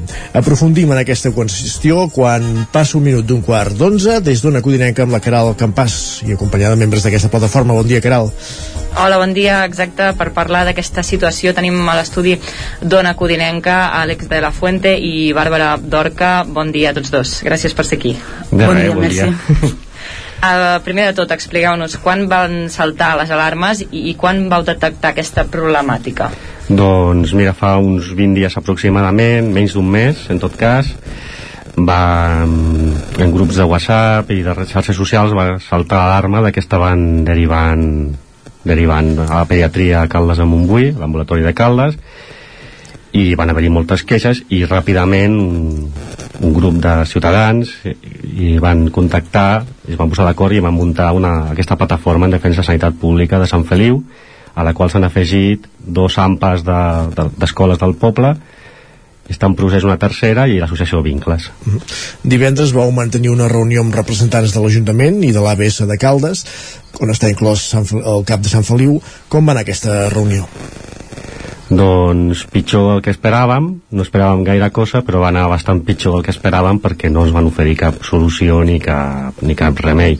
Van assegurar que el servei d'infermeria pediàtrica es mantindria, està, ho posem en stand-by, esperem que compleixin la seva promesa, bueno, no van prometre res, o sigui, que compleixin el que van dir i, i que el servei de, és pitjor perquè el servei de pediatria queda, queda, queda en l'aire, o sigui, no, ha, no tenim pediatre, a dia d'avui a Sant Feliu de Codines no hi ha pediatre, ni serveis mínims de pediatria com es va dir en principi, tampoc, no n'hi ha. Ni la infermera. Ni la infermera de moment. Perquè fins ara què hi havia, no? Hi havia una infermera pediatra i un metge pediatre, no sé si podeu explicar amb quina freqüència visitaven, o si la situació fins abans de que vagi malament, quina, quina era? Bueno, a veure, teníem una infermera pediàtrica, la senyora Dolors Ferrer, que supereficient, però una, supereficient i que a més a més està fent més tasques o estava fent, perquè ja no avui acaba eh, estava fent més tasques de les que li, li, li corresponien fer i a més a més estava substituint d'alguna manera el metge pediatre. I, la, i de pediatres en teníem dos dies a la setmana i ja està, no teníem cap, cap més. Ara la, la situació passa a ser de que tindrem tres segons, segons l'ICS tindrem l'àrea bàsica tindrem tres dies de pediatria un dels quals seria Sant Feliu un matí hem descobert que aquesta pediatra que ha de venir faria només els nadons de 0 1, no només... faria la població de 0 14. I no, i no, en, no en visites, sinó només les revisions. Les revisions. Les, quan és un nen, no?, ha de fer una revisió als 15 dies, una cada X mesos, fins a l'any, i després n'hi ha més, però aquestes ja per sobre d'un any ja les estarien programant a, a Caldes. I a Caldes tindríem altres dos dies compartits amb tots els nens de Caldes i Gallifa i aquesta, aquest canvi de plantejament a què es deu? O, o, o problemes de, de personal, alguna baixa o senzillament un canvi de criteri per part de l'ICS? A veure, des del 2001 la, el servei de, el servei d'ambulatori a Sant Feliu s'ha anat degradant. Teníem un servei acceptable, bo, correcte, i s'ha anat degradant. Si anem mirant històric, perquè l'anem mirant, el 2001 teníem, teníem, com es diu, urgències de cap de setmana, teníem servei de, de, ginecologia, de ginecologia, tot això aquí al poble, teníem un servei de pediatria cada dia, diari, cobert, i des, de, des, de, des del 2001 ha anat baixant, s'han tancat les urgències de cap de setmana, s'ha tan, tancat la ginecòloga, s'ha tancat el, les urgències nocturnes a Caldes, que això és, és un fet gravíssim, o com diria el Núñez, gravíssim. Uh -huh. Eh, s'han anat, anat degradant el servei de pediatria, i l'excusa que donen ara, el pretext, les, la mitja veritat, perquè no es diguin que mentim, és la mitja veritat és que no hi ha pediatres. La realitat és que sí que n'hi ha pediatres, n'hi ha pocs, però n'hi han, però què, què està passant amb, amb els pediatres i les infermeres? I, doncs està passant que estan, que estan emigrant massivament a l'estranger perquè les, amb les retallades, les condicions laborals que els estan proposant, la manca de conciliació laboral amb la família, la manca de vida social per, i la manca de, a més a més de, de suport a la feina perquè el pediatre necessita una infermera de referència i, i quan falla no falla un falla l'altre el que estan fent és que estan, estan emigrant a l'estranger perquè surten d'aquí ja amb contracte. Han, han marxat 31.000 professionals en 10 anys. Això són 3.000 professionals per any del sector mèdic amb les dades contrastades i oficials que es poden consultar al Col·legi de Metges i d'Infermeres. Davant d'aquesta situació eh, la solució que han projectat és derivar no? a aquestes visites a Caldes. No sé si sabeu que hagi generat un col·lapse això del servei. És que... Sí, col·lapse sí que hi ha en el sentit sobretot de que ara mateix si tu demanes hora per, per visitar el teu, el teu fill o filla eh, tu truques aquí al CAP i ara a dia d'avui el que t'estan dient és que no hi ha, aquí no hi ha pediatre eh, derivaran a Caldes, però com que a Caldes no han obert les agendes per d'aquí 15 dies, perquè el, el poc servei que hi ha ja està ple, ja t'avisaran. Aleshores, ara mateix hi ha una llista d'espera només per aquestes revisions o per, per visites no urgents, diguéssim. Per... Llavors ja les urgents ja no, no, no jo no m'ho vull imaginar, no sé. Sí, sí que tenim testimonis de, bueno, de, de rutes que ha hagut de fer alguns pares per aconseguir que, que algú atengui els seus fills amb la inseguretat també que això et dona a, a l'hora de que doncs, acabes trucant al 061 parlant amb un metge que no, no, no t'està veient, no està veient el nen o nena, eh, t'està dient, bueno, doncs vés al metge, vale, doncs queda anar a urgències, a, a on has d'anar a urgències, et veurà un metge, no et farà seguiment, eh, i, i en cap moment t'acaba tenint ningú de, de, del cap de referència, i per tant ningú està fent el seguiment correcte al teu fill i potser ha vist quatre metges al final en 15 dies no? això és com està ara més o menys Sí, l'Àlex volia dir, afegir Sí. una cosa No, una dada que, que reforça el que està comentant la, la Bàrbara. Uh, sense les derivacions encara, o començant a derivar a Caldes encara, uh, a les, en 4 hores, un matí, tenia la, la pediatra de Caldes tenia 60 atencions. 60, eh? En 4 hores. O sigui, és una, és una, una dada prou, prou significativa de què pot passar quan vinguin les quan vinguin les grips, quan vagin les derivacions massives, quan vinguin els refredats, o què pot passar a Caldes. I els senyors de l'ICS estan dient que tenim un servei excel·lent dintre del que hi ha. dins el que hi ha. Uh, tenim més números per posar sobre la taula. Uh, a Sant Feliu hi ha 988 infants, 15 a Gallifa, 2.800 a Caldes. Entenem que el servei uh, a, a l'ABS de Caldes tampoc s'ha reforçat pel que dieu. En principi no, perquè comptarem, o sigui, és que les, la, es deriven allà, bueno, es deriven allà i les pediatres seran les mateixes. És més, un, la, idea, la idea que tenen ells és que una de les pediatres faci un matí a Sant Feliu per atendre els nadons de 0 a 1 anys. Llavors això també d'alguna manera els perjudicarà al municipi de Caldes. I aquesta argumentació que ells fan que no hi ha metges pediatres precisament pel que tu apuntaves eh, com, la, com la veieu aquesta argumentació? Doncs és la, és la, mitja, és la mitja veritat que dèiem. O sigui, ells creen un problema, l'han creat ells, han, retallat la, han fet retallades en sanitat, han fet reformes laborals, han, fet, han precaritzat els llocs de treball, han depauperitzat les condicions laborals, llavors, què passa? Doncs que, que han fet poc atractiva la plaça. No és que la plaça sigui poc atractiva, és que l'han feta poc, poc atractiva. Llavors, no, nosaltres el que estem exigint és que rectifiquin i dintre, i sabem, dintre d'un pragmatisme, dintre d'un pragmatisme, nosaltres volem canviar el model, perquè això no passi, no? Però dintre del pragmatisme, de la immediatesa, estem oferint propostes molt concretes, tant a l'ICS com, a, com als, al poder, a la- a l'administració municipal, de quins camins haurien, poden explorar perquè ja s'han fet. I han, tenim experiències d'altres informacions d'altres d'altres localitats i altres ajuntaments que estan plantant cara a aquesta realitat. Llavors el que estem demanant és que es busquin, s'explorin les vies. Hi ha la via, per exemple, de la contractació a l'estranger, que és la que estan fent mitja Europa amb, amb els nostres metges, les nostres infermeres, estan, estan sortint aquí amb un contracte i amb unes condicions pactades de la, de la carrera, i a més a més estem demanant que, que, es, que, que es potenciï i es faci atractiva la plaça un altre cop. No estem demanant l'oro i el moro. Ja breu, breument per acabar, teniu previst alguna acció més de reivindicació els propers dies? Sí, mira, el dia 5 de novembre, divendres, a les 6, al, al centre cívic de, de Sant Feliu, farem una, xerrada, una, una petita xerrada informativa, després com una espècie d'assemblea oberta, on tothom podrà opinar, per, per, per coordinar-nos, organitzar-nos millor, coordinar-nos i preparar les mobilitzacions que, que estem al 100% segurs que seran necessàries per aconseguir els nostres objectius, que no és una altra que una sanitat pública digna de qualitat al nostre poble. I de moment animem a tota la gent que es trobi amb aquesta problemàtica que si no estan al, a la plataforma, tant a Facebook com a Twitter o hi ha un grup de WhatsApp que si contacten amb qualsevol persona que estigui a la plataforma el, podran entrar eh, que, que nosaltres estem aquí per ajudar i, i, que, i que presentin queixes, que, que posin reclamacions eh, als òrgans que també els podem ajudar a, a fer-ho. Repetim dia i hora d'aquesta assemblea?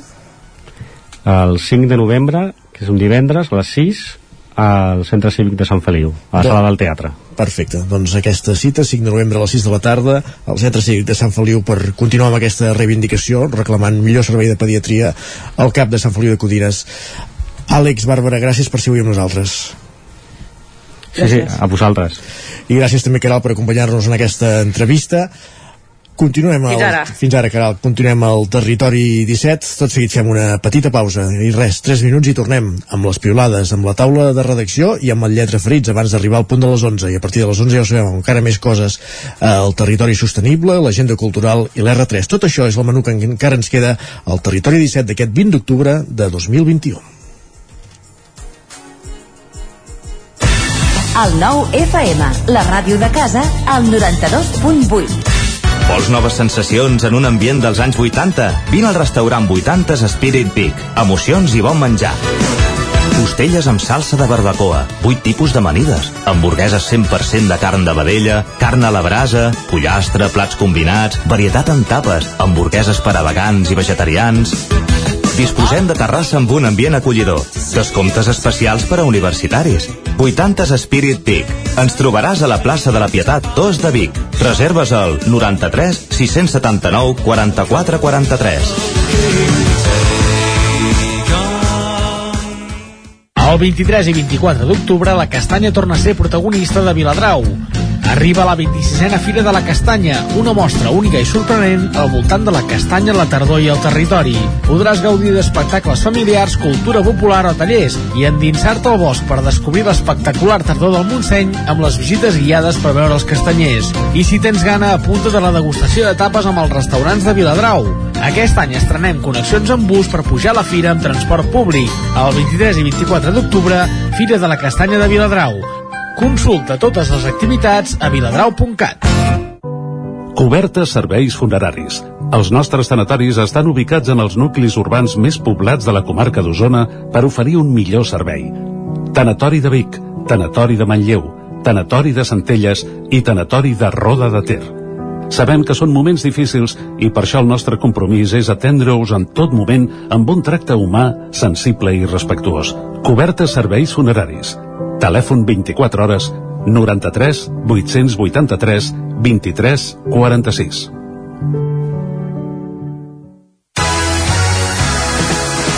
Ja tens la teva disfressa de Halloween? A Manli tenim les més terrorífiques. Vine a buscar caretes i tots els complements que et calguin per passar una nit de por. Ens trobareu al carrer de Ramon Soler número 1 de Vic i també a manli.cat. A Manli fem de la festa una bogeria. Cocodril Club. Si t'agrada la bona música dels anys 60, 70 i 80, escolta el 9 FM els matins de dissabtes i diumenges d'11 a 1. És el temps del Cocodril Club, tot un clàssic de la ràdio, amb les bases del pop-rock, les llegendes, les cançons que s'han convertit en autèntics himnes. Recorda, dissabtes i diumenges al matí, d'11 a 1, al 9 FM 92.8. Cocodril Club, el programa revival de l'Albert Malla. Hasta luego, cocodrilo. Anuncia't al 9FM. La màquina de casa. 9 3 8 8 9 4 9 4 9. Publicitat arroba al 9FM.cat. Anuncia't al 9FM. La publicitat més eficaç. El 9 FM, el 9 FM, el 9 FM, el 9 FM, el 9 FM. Són dos quarts de deu.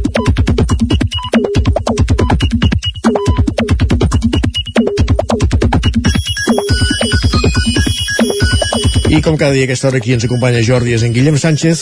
I tant, que ja el que ha tenim postat aquí. a Twitter. Exacte, ens comenta el que es cou per Twitter. Guillem, bon dia. Hola, bon dia, Jordi, bon dia, Isaac. Uh, què ens portes al Santuari Gaia de la Vall de Camprodon avui o no? No, eh? No, no, no, no estic al cas. Val, és que hi ha M'ha una notícia que ens ha fet certa gràcia és que hi ha gent que es queixa que no hi pot anar però els famosos es veu que sí, que depèn qui els hi obren les portes però a la gent entre cometes Jo no faré comentaris, però ja m'enteneu.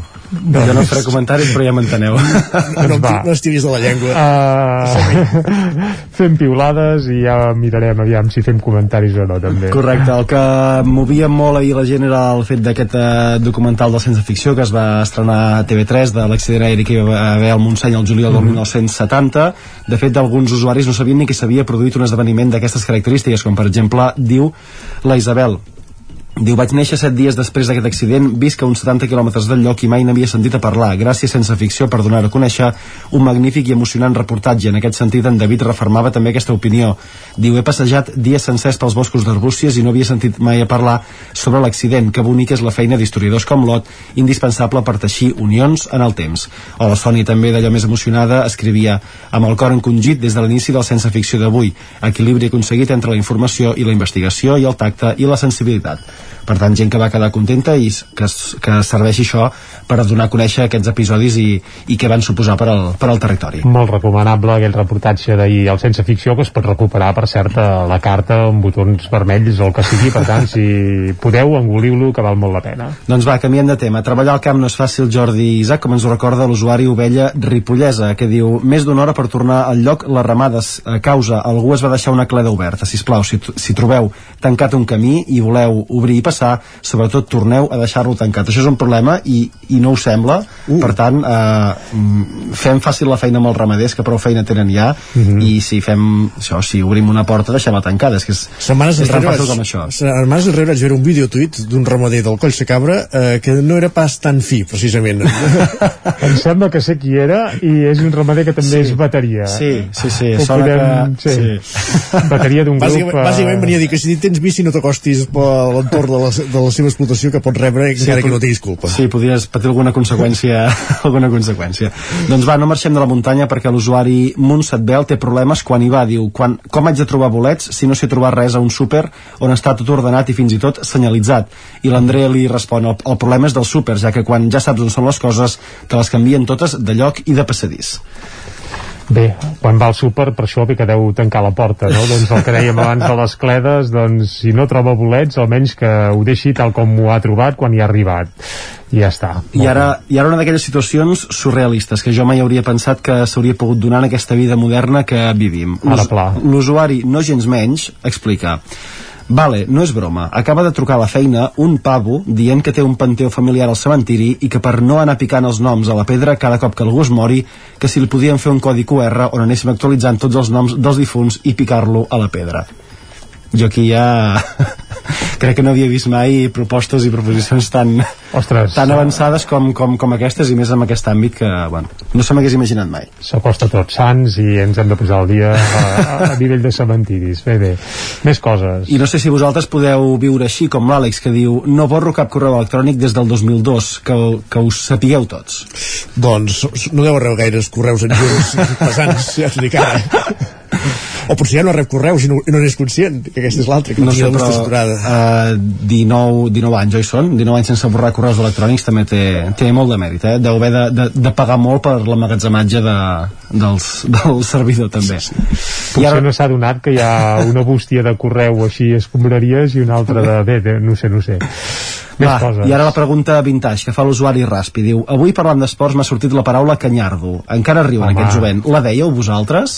Tota la vida, i tant que sí, un bon canyardo, tu diràs. I en Guillem Freixa, que és del món dels esports, ja ens espera aquí a dins, diu que, que sí, també. Eh? De fet, alguns usuaris li, li, li responen, alguns diuen, clar que la deia, però al fer-me gran la vaig canviar per bimbasso. Un altre diu, només al col·legi, que tots els nens eren castellans, a casa en dèiem Gardela. I, Diferents versions. I els nens de l'Oar què hi diuen ara, Guillem? Els nens de l'Oar, eh, home, Canyardo diria que no, no. Eh, ostres, t'hauria de, de pensar bé, eh? A veure.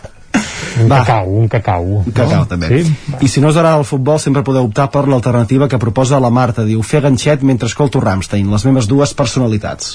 Una combinació que Ostres, jo no havia... doncs Ramstein en ganxet no ho acabo de veure clar, eh? És com menjar cigrons amb, jo, amb jo, nosseta. vull, jo, vull veure la, cre... jo vull veure la creació. Hi ha foto o no?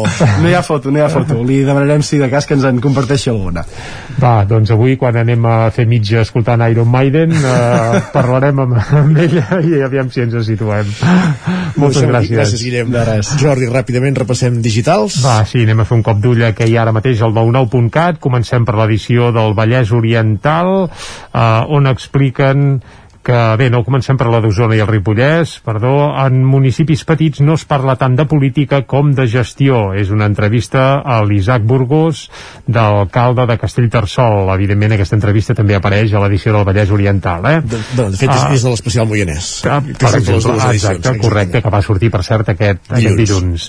Condemnats a un any de presó per homicidi imprudent els acusats per la mort de la nena de 4 anys a la piscina de Ripoll. Ho hem parlat avui a l'hora d'arrencar el territori 17. I també ens fem ressò d'una nova rentadora que treu l'empresa Girbau de Vic que rep el Premi Catalunya d'Ecodisseny. Anem ara cap a l'edició del Vallès Oriental, on a part d'aquesta entrevista que dèiem a l'especial Moianès amb l'alcalde de Castellterçol també hi apareix que Granollers Pedala reprèn les passejades en tricicle per a la gent gran i que l'associació d'Aruma de Granollers celebra el 25è aniversari treballant en la millora de la salut mental. Per cert que l'Hospital de Granollers també estrena una renovada sala d'espera per a les persones en tractament de càncer.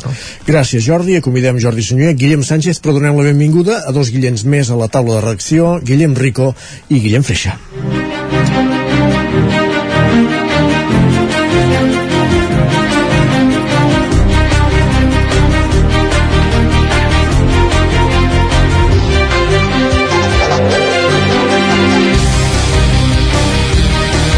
I parlarem de dues qüestions, d'aquesta crisi de govern a Santa Eulàlia de Riu Primer, però també de les emissions d'ozó eh, o la presència de l'ozó troposfèric a l'atmosfera a Osona que arran del confinament, arran de la pandèmia, doncs va, es va reduir. És així, oi, Guillem? Sí, eh, efectivament, parlem de- d'aquesta qualitat de, de l'aire, un tema, un tema que um, se'n parla últimament, ja fa anys que es va comentant, de fet és un dels uh, temes importants en zones com per exemple la plana de Vic, on uh, l'ozó és un d'aquests uh, contaminants que té molta presència i també afectació uh, sobre les uh, persones.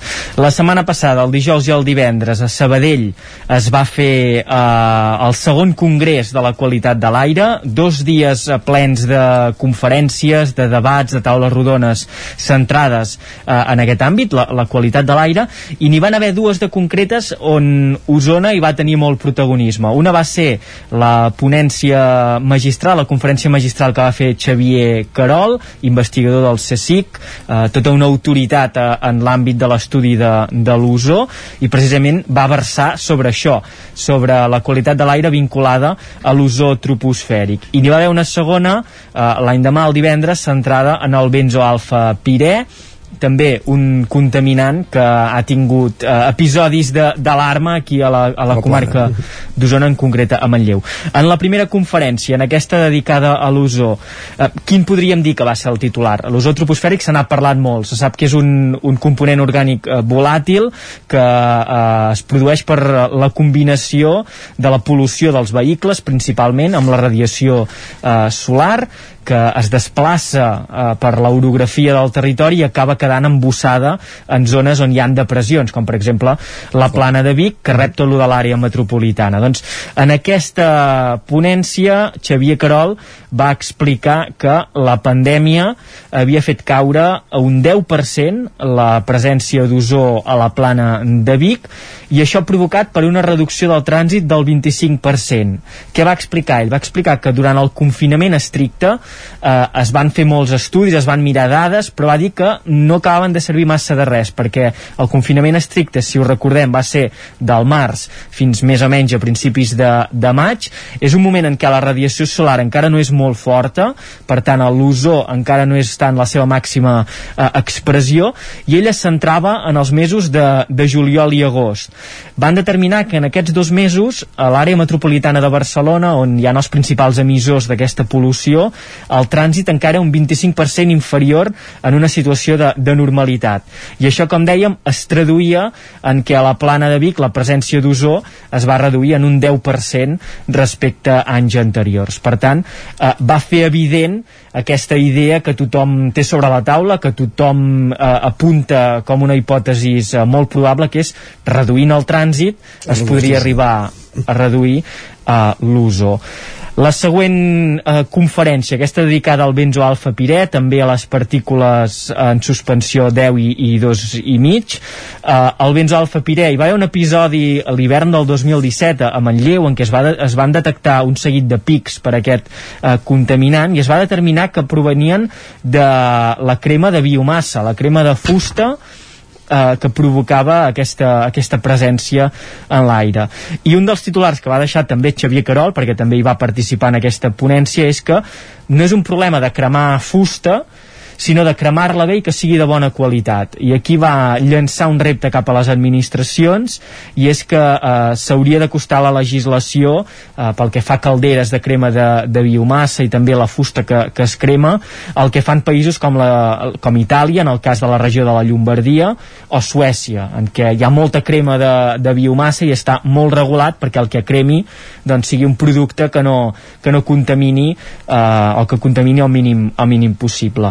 Per últim, ja per acabar, en aquest tema de les partícules en suspensió 10 i, i 2 i, i mig, va explicar que hi té un paper molt important l'evaporació d'amoníac i nitrat procedent de, de d'esparcir, de, de llançar eh, el que serien l'activitat agrícola, ramadera, eh, purins, bàsicament, i va fer una crítica a les macrogranges, perquè va deixar anar una dada que també és força, força destacable, i és que segons un informe de les Nacions Unides, un 10% de les granges, o sigui, les més grans, produeixen el 80% d'aquestes emissions. O sigui, hi ha un petit nucli de granges que fa un gran, gran. llançament d'aquestes emissions. I va dir que l'important era això, les macrogranges, intentar reduir-les i anar per una, per una ramaderia més de, de petit format. Són les partícules que surten de, de l'amoníac dels purins, eh, si no sí, tinc entès. Sí, sí, exacte. Quan s'evaporen, uh -huh. eh, queden en suspensió i, i creen aquestes PM10, PM2,5 i es van mostrar diversos mapes i realment eh, la zona d'Osona era un dels eh, nuclis que estaven en vermell eh, com a emissors d'aquest contaminant. Perfecte, doncs moltes gràcies Guillem per aprofundir en aquesta informació i anem a Guillem Rico per parlar d'aquest ple que hi havia dilluns a Santa Eulàlia de Riu Primer on es va fer efectiva la renúncia de 5 dels nous regidors de, de l'Ajuntament 5 dels nous regidors de l'equip de govern perquè com dèiem hi, ha una, hi, una, hi governa una llista única. Bon dia Guillem. Bon dia, doncs sí, uh, ara de moment només hi ha 4 regidors dels 9 uh, de l'Ajuntament de Santa Eulàlia eh, des d'aquest dilluns. Es va fer oficial aquesta renúncia que ja havíem anunciat, que havíem presentat el dia 4 d'octubre eh, a l'Ajuntament. I això pleguen en bloc, plegaven en bloc 5 de, dels nous regidors això vol dir més de la meitat. Eh, totes les, eh, les noies que hi havia a, a l'Ajuntament i un dels, dels regidors que també era el segon tinent de, d'alcaldia, eh? recordem això, Cristina Oriol, Martí Olivera, Jordina Juventeny, Alba Roura i Ben Marçal. Um, què va passar? Doncs això, el dilluns es va fer aquest ple, un ple molt breu, en què hi havia també altres punts a l'ordre del dia de, eh, de tràmit, però que amb tot plegat, havent-hi una dimissió en bloc de 5 regidors, va durar escassos 7 minuts. De fet, els 5 regidors no han explicat per què marxen. No, exacte. Es remeten simplement al, eh, al comunicat que van fer eh, fa 15 dies, Uh, i on deien que on hi havia, que era, hi havia maneres diferents de veure la política. Exacte, deien, és un tema de concepte de fons i de manera d'entendre i aplicar a la política. Uh, hi havia aquestes entenem discrepàncies amb, amb l'alcalde uh, va ser això, un ple curiós perquè no... l'alcalde sí que només va tenir paraules d'agraïment de, de, de generositat per haver volgut formar part de l'única llista electoral perquè com deies això, eh? a Santa Eulàlia només va presentar una llista aquesta vegada i per tant doncs, els nous regidors formaven part de, de l'equip de, de govern i eh, també doncs, això va parlar de l'esforç que havien fet per la pandèmia de la feina que havien fet o, tot van ser paraules de d'agraïment, la resta no van dir res es va acabar el ple, també van demanar al públic si volia intervenir, ningú tampoc va demanar les explicacions des, de, des del públic malgrat que hi ha algunes piulades que sí que ho van trobar curiós, que de persones que probablement eren allà asseguts a la sala de plens que, que es va omplir. També hem de dir que és una sala que, que és petita i eren unes 12 persones eh, al públic el que sí que a partir d'ara doncs això s'han de trobar els substituts d'aquestes 5 persones que han plegat.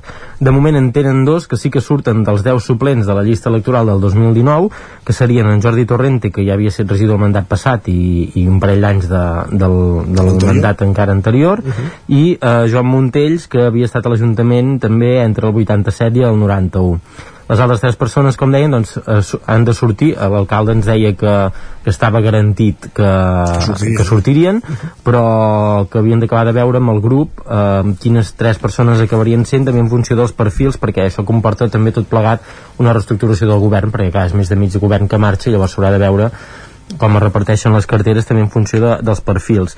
Per tant, haurien de sortir aquestes persones del grup, diguem, de, de suport de, de la candidatura de persones que perquè per la quantitat doncs no totes podien anar a la llista doncs hauria de sortir d'aquestes. La resta doncs ja això han, anat, han renunciat totes excepte dues les que anaven de, de, de suplents, ja sigui perquè per dir tema de disponibilitat o perquè simplement doncs, s'alineen doncs, diguem, amb les persones que, que, que han plegat. Per tant, això, s'ha d'acabar de, de veure qui són aquestes persones i per tant de moment no hi ha data del proper ple en què haurien de, de prendre possessió aquestes cinc noves eh, persones. De moment, això, quedarà un consistori, si més no de moment, eh, molt masculinitzat, perquè mm, recordem que aquesta llista està associada a Esquerra, uh -huh. eh, fan aquestes llistes cremallera, uh -huh tot i que per llei eh, també hi han d'haver sí, sí, cada, cada, cinc, cada, cinc... cada, cada cinc membres do, dos com a mínim han de ser dones. Exacte. per tant eh, això s'haurà de veure què passa en aquest cas perquè de moment ja si els quatre que queden són homes i els dos que entren ja en portaríem sis i haurem de veure els, els altres tres. Doncs, doncs a veure què, com, com, queda. com queda. I veurem també si els nous regidors doncs, milloren una mica amb la política de comunicació eh, respecte als cinc que marxen a veure, a veure si s'expliquen aquest, aquest silenci. Exacte. gràcies Guillem. Eh, acabem aquí la taula de redacció entrem tot seguit al Lletra Ferits bon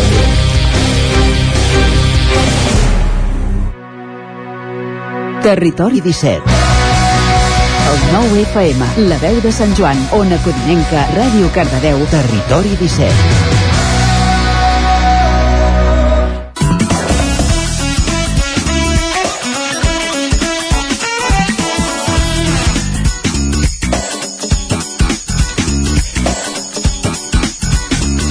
I quan passen gairebé 3 minuts de 3 quarts d'11 anem fins als estudis de la veu de Sant Joan. Allà ens hi espera l'Isaac Muntades amb Joan Oriols per parlar de la figura i d'un llibre dedicat a, a Ramon Cotrina. Bon dia, Isaac.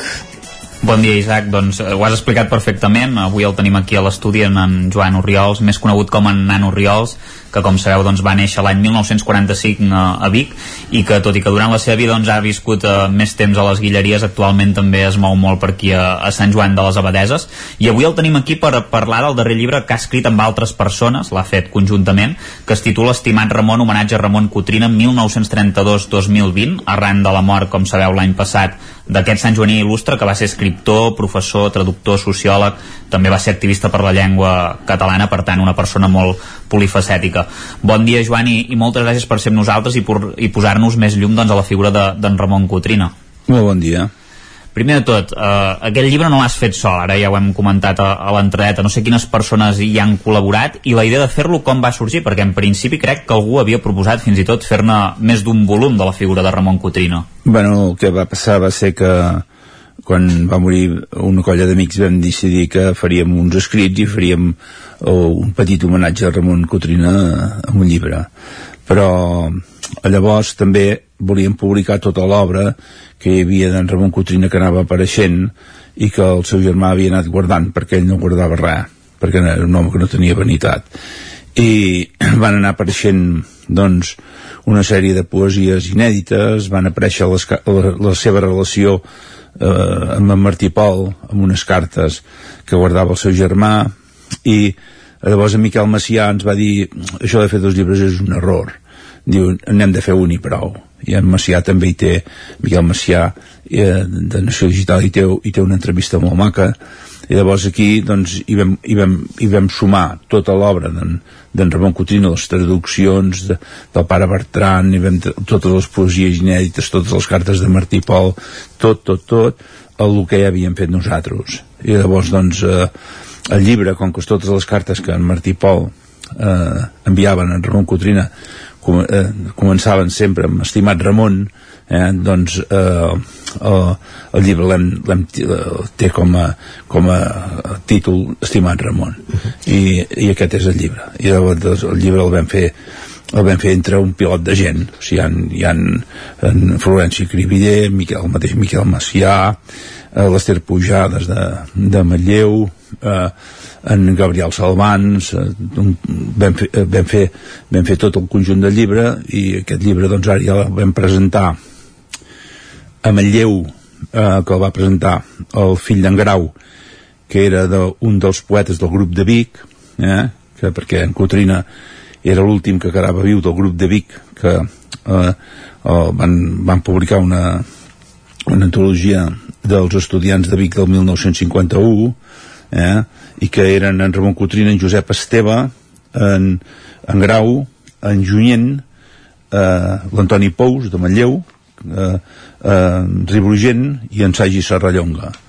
Tots aquests poetes doncs, van fer van publicar aquesta antologia en català eh, emparada amb Riba i aquesta antologia se'n van fer 60 exemplars circurs, amb circunstil i que, esclar, vull dir, era una, una, la primera defensa que es va fer eh, del català de la postguerra, eh, que es va fer des del seminari i que es van publicar una sèrie de poesies i més tard es va editar un llibre eh, que va, crec que el va publicar el, el Patronat d'Estudis Usonencs. Uh -huh. Joan, amb tot aquest contingut que, que ens has explicat, contingut variat i amb tantes mans com, com hi han treballat, com s'estructura, com està dividit aquest, aquest volum, aquesta obra? Bueno, primer hi ha tot lo d'en Ramon, o sigui, eh, les traduccions, tot, tot lo d'en Cotrina, les poesies, les poesies inèdites que el seu germà guardava i que ell no, perquè ell passava de tot. Ell un home que últimament quan hi enronava, jo el conec des que jo tenia 8 anys uh -huh. eh? i ell sempre deia que quan era jove eh, mm, tenia eh, ganes de dir coses i no sabia com, de, com dir-les i que de gran que sabia què tenia de dir no tenia ganes d'escriure perquè del, en el fons hi ha com la seva manera d'ensenyar eh, eh, per exemple a mi eh, em deia tu llegeix la mort de Sòcrates i veuràs que Sòcrates quan es pren la cicuta que li diu no però et pots escapar diu no no vull complir la llei és la seva llei doncs la complirem injusta però la complirem. Així sabran que la seva llei doncs mira mà. No no però és que no, no et volen pas no volen pas que te la prenguis vol que marxis. No no no no, no eh, que m'han condemnat per negar l'existència dels déus, etc. doncs jo em vull prendre la cicuta. I quan s'està prenent la cicuta eh, es destapa un moment i li diuen en Citres que era un deixeble de, de, de Sòcrates li diu, tu, escolta pensa que devem un pollastre pesa-la pagar. Què vol dir? Doncs que has de marxar amb els deures fets. Has de, has, has de marxar ben, servint a la societat que tu estimes i has de pagar el pollastre que tots hem de pagar eh, en la nostra vida per servir aquesta societat. Eh, en, en Cotrina doncs ho va fer-ho, va fer milers de classes de català, va, fer, va muntar la primera escola de, d'ensenyar a escriure català a Barcelona eh, va fer traduccions ho va fer tot. I a més a més després de tot això és un dels fundadors de la Universitat de Vic uh -huh. junt amb, en, amb, en, amb en Ricard Torrent i en Puntí eh, i en Daixò i en López no? vull dir eh, ara el llibre el presentem el dia 4 a Barcelona eh? el vam presentar aquí a Sant Joan i va venir el president Quim Torra a presentar-lo teníem al Palau de l'Abadia ple de gom a gom com, com és que va venir Joan en, en Quim Torra? Vull dir, quina relació? Em sembla que també tu hi tenies relació, no?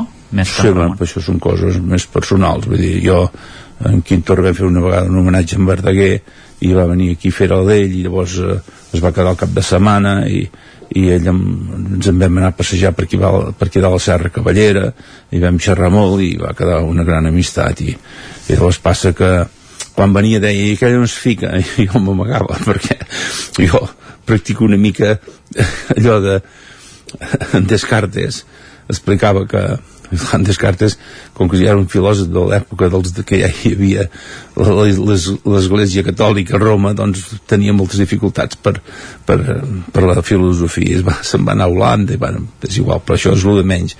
I va escriure, explicava que uns, que uns missioners li havien dit eh, que a la selva eh, els monos sabien enraonar però que no ho feien mai davant de les persones perquè si enraonaven davant de les persones pensaven els monos que els farien treballar doncs jo practico una mica això penso que si enraono gaire em faran treballar massa I, i de fet, eh, ara vull que enraonis però de, de Miquel Martí i Pol sí. perquè ja abans m'ho has introduït que sí. hi havia aquestes cartes, també n'hi havia de, de... hi ha més coses inèdites, no? Martí Sí, Pol bueno, ara eh, aviam, tot, totes les cartes de Miquel Martí Pol jo ja les vaig portar a la Fundació amb la, amb la Montse Caral i, i després doncs eh, en, eh, en, les, es van buscar les, les cartes d'en de, de, d'en Cotrina en Martí Pol però sembla ser que en Martí Pol en un moment donat com que era el psuc ho va cremar tot perquè no, per no, per no comprometre absolutament a ningú no?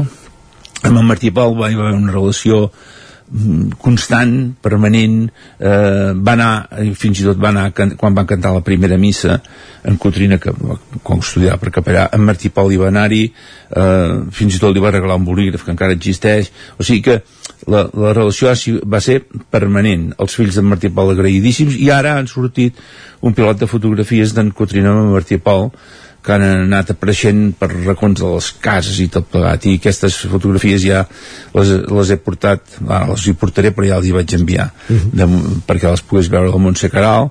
I ara també, ja us ho dic però la Fundació agafaran 2.000 fotografies d'en Miquel Martí Pol amb gent perquè la gent hi pugui accedir i identificar les persones que estan amb en Miquel Martí Pol. I aquestes fotografies, com ha de ser, eh, com les cartes, que les vaig anar, les, les, les, les, les originals les, ja les tenen a la Fundació.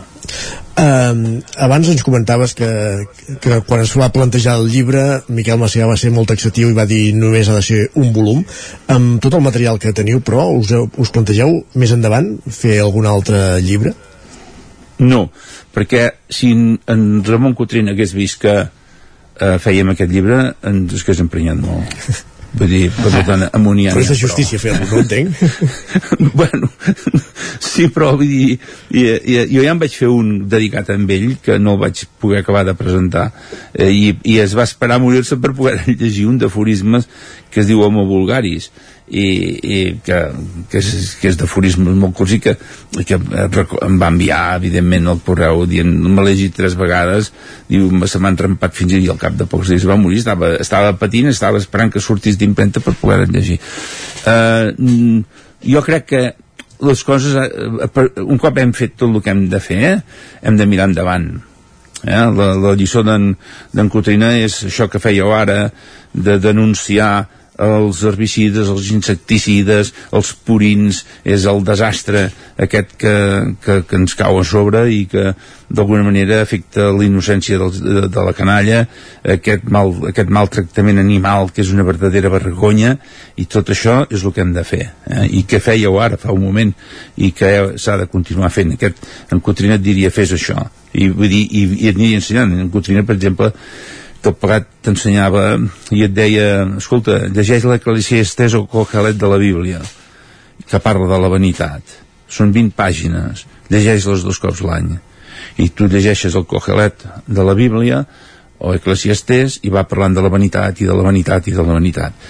No s'ha de tenir vanitat. Els que tenen vanitat normalment acaben amb un pedestal drets eh, amb, una, amb una estàtua i cagats pels coloms.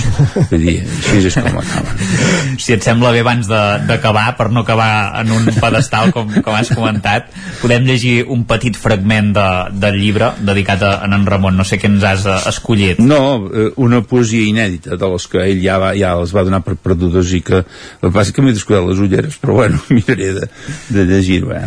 Hi, hi, hi ha tota una sèrie de, de poesies de, hi ha material i, i, i, i diu però esclar, és molt maco. Diu seré, seré una mà tan ampla com la plana. Em creus amic? Duré l'amor al braç com una flama com un camí. Tindré castells més alts que les muntanyes, més forts que un crit. Els arbres creixeran per esponjar-me, el peu ferit, només un bleix, i la mort serà clara, com un matí. Ja.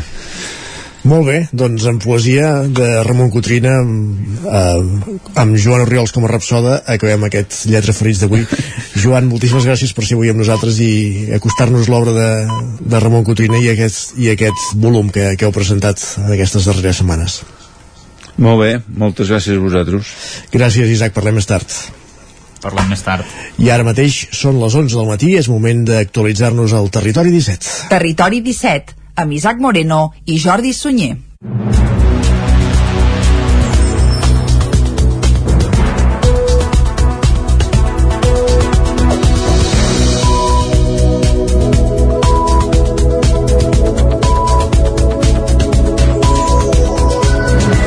Els cinc regidors de Santa Eulàlia de Riu Primer que van anunciar la seva dimissió formalitzaven dilluns la renúncia en un ple extraordinari. Són la meitat de l'executiu i pleguen per discrepàncies amb l'alcalde Xevi Rovira. El ple extraordinari que es va fer dilluns al vespre a Santa Eulàlia va durar només 7 minuts. En el quart i últim punt de l'ordre del dia s'hi oficialitzava la renúncia de les quatre regidores i el regidor que dimiteixen per discrepàncies amb l'actual alcalde, Xevi Rovira. En un ajuntament, per cert, amb només un grup municipal, que és Independents per Riu Primer o Cor Municipal, l'única candidatura que es va presentar a les eleccions de 2019. Cap dels regidors sortins va intervenir durant la sessió. Rovira, en canvi, els va agrair la seva tasca a l'Ajuntament.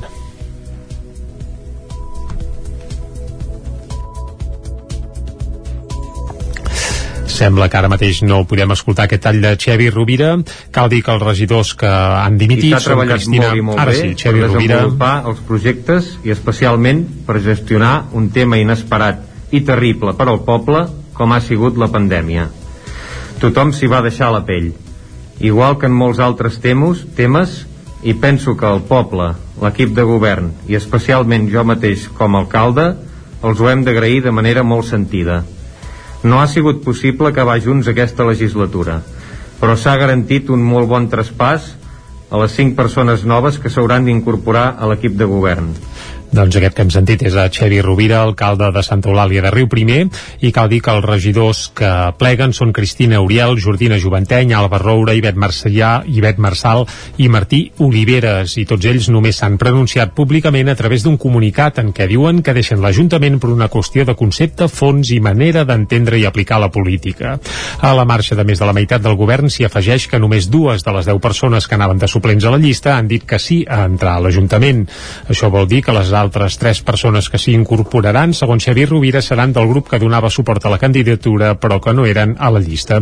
De moment s'han anunci anunciat dos dels cinc noms dels nous regidors. Són Jordi Torrente, que havia estat sis anys a l'Ajuntament, i Joan Montells, que ja va ser regidor entre els anys 1987 i 1991. Encara no hi ha data perquè els nous membres de l'executiu prenguin possessió, de manera que per ara el govern de Santa Eulàlia el formen l'alcalde i tres regidors més. 1.183 persones han votat els pressupostos participatius de Cardedeu, una xifra superior a la de l'edició anterior.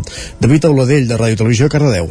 Els pressupostos participatius 2021-2022 de Cardedeu han tingut una participació del 7,7%, una xifra elevada i molt per sobre de la mitjana en aquest tipus de processos. S'ha superat la participació respecte a l'anterior edició, tant pel que fa al nombre de propostes que han votat com en percentatge. Finalment s'executaran 7 actuacions per un valor total de 393.000 euros. El valor sobrant de 7.000 fins a l'import proposat de 400.000 es repartirà entre les diverses actuacions en funció de les necessitats d'execució, mitjançant un treball compartit amb el grup motor tecnipolític i la Comissió Ciutadana. De les propostes que estaven entre 60.000 i 150.000 euros, se n'executaran dues. La proposta del Consell d'Infants de construir una nova pista d'atletisme i la d'arbres i nous jocs als patis de les escoles. De propostes de fins a 60.000 euros s'executaran 5 per un valor total de 93.000 euros. Es millorarà el Parc de la Serreta, es construirà un rocòdrom, es milloraran els jocs de la plaça Sant Joan i la tirolina del Parc Pompeu Fabra i es millorarà la seguretat del carril bici del tram baix del carrer Mare de Déu del Pilar. Properament es distribuiran els projectes que es duran a terme al llarg de l'any 2022 i s'inclouran en el pressupost. També s'iniciaran els treballs tècnics i els processos participatius per definir detalladament el contingut de les propostes. Gràcies, David, i alerta amb el proper titular.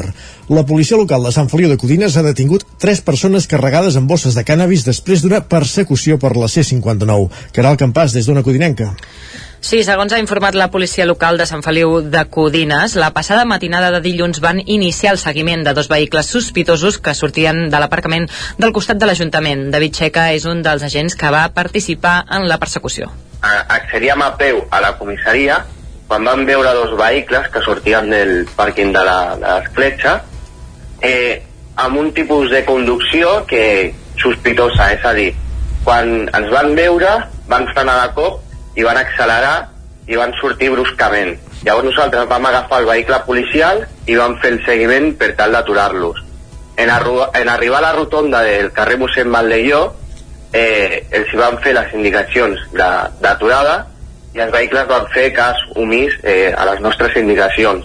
Després de no fer cas a l'alto ordenat pels agents municipals, aquests van iniciar una persecució que continuà per la C59 direcció Caldes de Montbui. Carmelo Garrido és cap de la policia local de Sant Feliu. No, en aquell moment el copilot va, va comunicar que estaven tirant com algunes bosses o alguna per les finestres. Llavors van seguir el, la persecució, diguem, el seguiment, i a l'arribar a la rotonda una mica abans ja hi havia dos cotxes de Mossos d'Esquadra eh, creuats, diguem, per intentar aturar aquests dos vehicles. A l'acostar-se a Caldes de Montbui, dues patrulles de Mossos d'Esquadra, alertades pels agents municipals de Sant Feliu, tallaven el pas als cotxes en fuga i identificaven a tres persones residents a municipis propers a Barcelona. David Checa explicava que després d'identificar-los, els agents van poder recuperar el cannabis llançat a la C-59. Els ocupants van, els vam escorcollar, vam escorcollar els vehicles, els vehicles feien una forta olor a cannabis, portaven, per exemple, un spray per eliminar els olors, eh, vam encontrar eh, també amagats en els vehicles una arma blanca i un objecte eh, potencialment perillós, i tots aquests indicis ja, ja van fer que, que possiblement el que hagin llançat fos marihuana. Llavors vam, vam deixar que els vehicles no marxéssim i vam anar a recuperar alguna de les bosses que havien llançat. I vam recuperar un total de tres bosses eh, amb un pes superior al quilo en total entre les tres. Els tres detinguts que han passat a disposició judicial se'ls ha imputat càrrecs per possessió de substàncies estupefaents i desacatament a l'autoritat. Ahir se celebrava el Dia Mundial contra el Càncer de Mama i la casualitat va voler que la trollonenca Patricia Rubio se sometés precisament ahir a la primera operació pel seu procés de tractament contra aquest càncer. Per a Patricia Rubio ha sigut molt important el suport emocional que ha rebut, per exemple, d'Alba Rovira, una noia del seu mateix poble, amb qui no es coneixien, i que també va passar un càncer durant el confinament. Escoltem Alba Rovira. Vaig decidir posar-ho a l'Instagram que m'havia passat aquest procés. Com qui va dinar fora doncs jo vaig decidir mm, posar que havia acabat una quimio que havia passat una muntanya i que havia pujat aquesta muntanya. I a partir d'aquí la Patri va veure la publicació tot i que la tenia privada però ens vam començar a seguir i em va escriure per l'Instagram i vam comen- i dic quedem demà. Va ser vam tenir molta connexió Per a Patricia Rubio, l'ajuda de Rovira va ser clau per superar tot el procés. aquest suport emocional amb algú que ho ha viscut eh, doncs és clau perquè tot el procés doncs li podràs preguntar tot, tot, tot els, aquestes inquietuds de tant a nivell físic no? com és una cosa tan impactant que, que és la caiguda del cabell fins a, a nivell emocional llavors a mi per exemple l'esport m'ha ajudat moltíssim el suport de l'ALBA i també des de l'Associació Espanyola contra el Càncer he fet una, una teràpia grupal amb més gent que ha passat per això i tot això m'ha ajudat moltíssim. L'objectiu de la celebració del Dia Mundial contra el Càncer de Mama és conscienciar la població de la importància del diagnòstic precoç en un càncer que és el tumor, el tumor més freqüent en dones arreu del món. I a la pàgina cultural Plana, Planoles perdó, estrenarà una obra de teatre al casino que barre- barrejarà ball, poesia, teatre i ciència i que està creada per artistes del Ripollès. Isaac Muntades des de la veu de Sant Joan. Del caos a l'èxtasi és una obra de teatre concebuda a Planoles que s'estrenarà el pròxim 30 d'octubre a les 7 de la tarda al Teatre del Casino Planolenc i que barreja la poesia, el teatre, el ball, la ciència i la física quàntica. L'obra compta amb un trio polifacètic de quilòmetre zero al capdavant, com són el científic nascut a Sitges i resident a Campelles des de fa anys, David Jou, que tot i ser un especialista en termodinàmica també és poeta. L'actor campellenc Jordi Coromina, llicenciat en art dramàtic per l'Institut del Teatre de Barcelona amb més de 40 obres a les seves espatlles, i el ballarí, coreògraf i director de la companyia Rayo Malayo, el planolenc Francesc Bravo, amb més de 30 anys d'experiència. La dramaturga Mònica Pagès s'ha encarregat de teixir el fil d'unió perquè encaixessin totes les peces del trencaclosques. Del caos a l'èxtasi neix de l'interès de Coromina en la poesia de Jou, que considera que fa entenedora la ciència i que més està ben escrita i té força. L'actor i Bravo van començar els assajos al mes de febrer i mostraran una fusió de teatre i dansa amb tints galàctics. La sinopsi de l'obra, d'una durada de 50 minuts, està plena d'interrogants. L'espectacle parteix del caos que expliquen els mites grecs i de la creació que hi ha en els escrits sagrats i que parlen d'un cosmos que la raó vol acabar desxifrant amb l'ús de la ciència, però que només es pot expressar amb l'art. Coromina feia un breu resum de l'obra. Ens preguntem què som, ens preguntem aquest espectacle què volem ser, també expliquem que la suma dels elements, la suma de l'aprenentatge ens fa millors, o ens enriqueix més, ens fa més valents eh, per poder tirar endavant. Una mica seria, jo penso, la sinopsis des del meu punt de vista d'aquest espectacle, no? Ens preguntem què som, però al mateix temps també ens anem adonant de que totes aquestes preguntes i aquestes respostes que anem trobant ens donen satisfacció i ens fan tirar endavant. En un tastet previ a porta tancada, els dos protagonistes van interpretar un petit fragment de la part central de l'obra on parlaven del nombre pi, combinaven la poesia del número 3,14 amb moviments de dansa subtils. L'obra pràcticament prescindirà de decorats i només hi haurà unes projeccions de fons per situar els espectadors a quin punt del cosmos es troben. Bravo va comentar que era un repte important fer aquesta obra. A mi sempre he tingut un, un desig que ha sigut poder ballar les paraules. Vull dir, normalment en dansa es balla la música, es balla el silenci també, però ballar les paraules és algo que té la seva feina i que crec que és superinteressant. La simbiosi entre ell i Coromina és total i si se li suma la poesia de Jou es multiplica. El científic i poeta recorda que aquest tipus de mescles entre ball i ciència ja estan inventades. De fet, la combinació de física i dansa és un camp actiu. En, en la dansa hi ha una sèrie de companyies de Londres, de París, que estan prenent la física quàntica com a inspiració de les seves danses. Aquí, en lloc de passar de la dansa a la física, d'una física abstracta que inspira la poesia, aquí passem a través de les paraules i això en fa un camp original.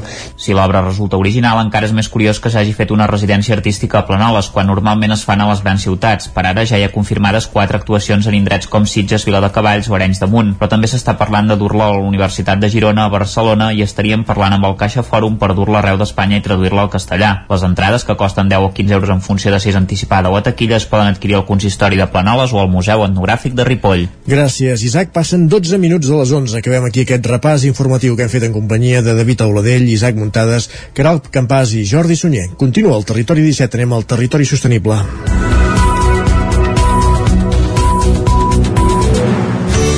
Territori 17. Envia'ns les teves notes de veu per WhatsApp al 646 079 023.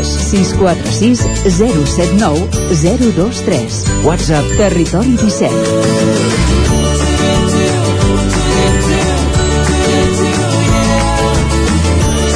Territori 17. Som a Facebook, Twitter i Instagram amb l'usuari Territori 17.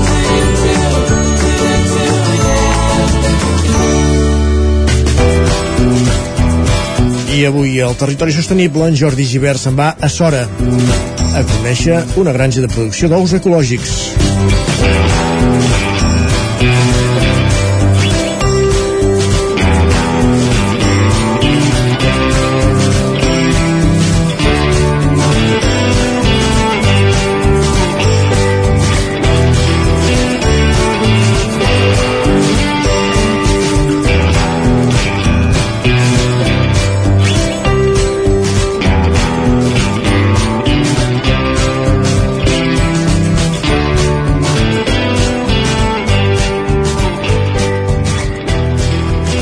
Avui al territori sostenible ens acostem fins a Sora. Volem parlar amb en Raimon, que ha iniciat un projecte de cria d'ous ecològics. Uh, amb ell parlarem d'aquest projecte que ha encetat justament quan va esclatar la pandèmia. Ja el tenim aquí uh, amb nosaltres. Hola, Raimon. Hola, bon dia. Uh, Moltes gràcies per convidar-me. de res, uh, Raimon, ara feia una, pe- una petita introducció, uh, m'explicaves això, que, que vas començar aquest projecte eh, fa vora un any, no? Sí, exacte, sí, vaig començar el 23 de març del 20. Uh -huh. Sí, just uh, uns 15 dies després de que es va declarar l'estat d'alarma i, i, i, bueno, la situació de pandèmia a nivell mundial. Com, com decideixes enfrescar-te uh, en, aquest, en aquest projecte? Què et porta fin, fins aquí? Bueno, a mi sempre... Jo, veure, jo de formació sóc enginyer industrial, el que passa és que, bueno, a mi sempre m'havia agradat tot el món de, de l'agricultura i la ramaderia, sobretot el tema dels animals, i doncs bé, doncs fa ja uns quants anys doncs estava treballant com a enginyer i, eh, bueno, per circumstàncies de la crisi i així, em vaig quedar a l'atur i llavors vaig decidir doncs, de fer una mica d'un canvi d'orientació professional. I vaig començar a estudiar un màster en agricultura ecològica per tenir uns coneixements una mica de, bueno, bàsicament de tot el tema agrícola i ramader i, uh, i bueno, llavors vaig decidir de fer un canvi com, com comentava no? i, de, i, i dedicar-me al que sempre havia tingut en ment però que mai diguéssim m'havia atrevit mm -hmm. perquè jo no vinc de, de jo no tinc tradició pagesa ni ramadera ni res a la família amb la qual doncs, eh, va, ser, va ser una mica així fa ja bastants anys I llavors arribes a, a Sora l'any passat, no, era, no, no ets d'aquesta localitat, tu? No, jo sóc, jo sóc nascut a Barcelona eh, i he viscut bastants anys a, a Collbató, que és un, un poble que hi ha al costat de, bueno, a prop de Barcelona, a la, a la muntanya Montserrat, i llavors, eh, bueno, jo vaig, eh, jo anava buscant, bueno, vaig estar buscant terrenys, etc. Em vaig aconseguir uns, però em van donar els permisos i tal, i bueno, després contactant amb productors eh, ecològics ja doncs, que en un moment donat doncs, poguessin tenir interès en vendre's l'explotació o traspassar-la o així vaig conèixer doncs, l'antic propietari eh, l'antic titular i propietari de l'explotació de, de les tufaroques que es diu Pere Oms uh -huh. que ella doncs, eh, s'ho volia estava pensant en traspassar-s'ho i bueno, inicialment buscar un soci per, per acabar traspassant-ho i, eh, i doncs bé, doncs, eh, em vaig posar en contacte amb ell, bueno, vam estar-ho parlant i tot plegat i, i, i tota la, diguéssim, la negociació va començar aproximadament al setembre del 19, setembre-octubre del 19 i llavors vam començar tot el tràmit de canvi de papers i així i es va fer. I bueno, des del Departament d'Agricultura em van donar l'ok, diguéssim, ja que ja estava fet el canvi de titularitat em sembla que era el dia 19 de març o una cosa així i, i bueno, llavors jo ja vaig agafar-ho el dia 23 Clar, hem vist que, parlant amb altres eh, productors locals, que amb la pandèmia la gent ha tornat a, al producte de proximitat, al producte ecològic. Clar, tu això t'enganxa a, a, a tot començar. No sé si, si has vist que hi ha hagut aquest uh, augment de clients uh, o, o de gent que, que s'ha interessat més pels ous que, que feu vosaltres. Sí, la veritat és que durant la pandèmia la, la demanda d'ou ecològic, o almenys en el meu cas, va ser una cosa estratosfèrica. Clar, jo partia en aquells moments de zero, i, però bé, jo tenia la referència de, del que li demanaven els clients a, a l'antic uh -huh. titular. I, I realment era una demanda estratosfèrica, vull dir, les passaves bastant canutes per poder abastir a, a tots els clients, però, però sí, sí, llavors sí que és veritat per això que després el mercat ha fluctuat bastant uh -huh. i un cop ja es van relaxar una mica les mides, quan s'han tornat a endurir. Generalment quan es tornen a endurir, eh, a veure, jo per exemple venc a Barcelona capital sí. i, i aquí a Osona. Llavors, quan s'endureixen les mides, a Barcelona en puja la demanda i, a, i aquí a Osona en baixa. És, bueno, suposo que perquè la gent de Barcelona no pot sortir i, mm. i bueno, i consum, bueno, es queden més a casa, fan, cuinen més a casa, fan més pastissos, el que sigui, i, i en el cas de, de, la, de la gent d'Osona doncs com que no poden fer mercats, sí que poden fer mercats però vull dir no hi puja gent de, de la capital diguéssim, de Barcelona uh -huh. doncs suposo que venen menys però sí, sí que hi ha un interès creixent amb tot el tema de, de producte de proximitat i producte, producte ecològic, sí. Sí que ja li dic que la, la demanda fluctua bastant, però sí, en general es veu una tendència a l'alça, sobretot interès, també. Uh, Uh, parlant ja de, de, del producte i, de, i dels animals, les gallines, què, què necessita tenir una, una granja per, per fer ous ecològics? Com, com han de viure aquests, aquestes gallines? Doncs bé, les gallines han de viure en condicions que es diu de semillibertat. Què vol dir de semillibertat? Doncs que han de viure en un galliner i han de poder accedir a uns patis. La normativa ecològica diu que eh, poden haver-hi sis gallines per metre quadrat dintre del galliner i, de, i s'han de, de donar 4 metres quadrats per animal en els patis. Uh -huh. Llavors, això és la primera condició i se li diu de semi-llibertat perquè en el cas, eh, en el cas ecològic, diguéssim, el, la gallina i el pollastre i l'aviram uh -huh. és l'únic animal que està permès eh, tancar els animals, tancar-los durant la nit, pel tema dels no. depredadors i també en el cas de les gallines perquè ponguin els ous en els nius, perquè si no posarien els, nous, els ous per tots els patis. En els altres animals ecològics, a nivell de ramaderia, em consta de que han de poder accedir als patis a les 3 de la matinada, si volen. Mm -hmm. I això, doncs, hi ha difer els diferents productors, companys meus, diguéssim, hi ha gent que els hi deixa les portes obertes als patis tota la nit i hi ha gent que, que les tanca, vull dir, això és...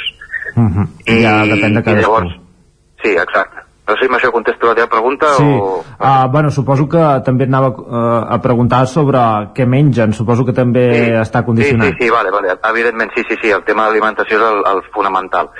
Uh, bàsicament, el pinso que mengen és el mateix, però és ecològic.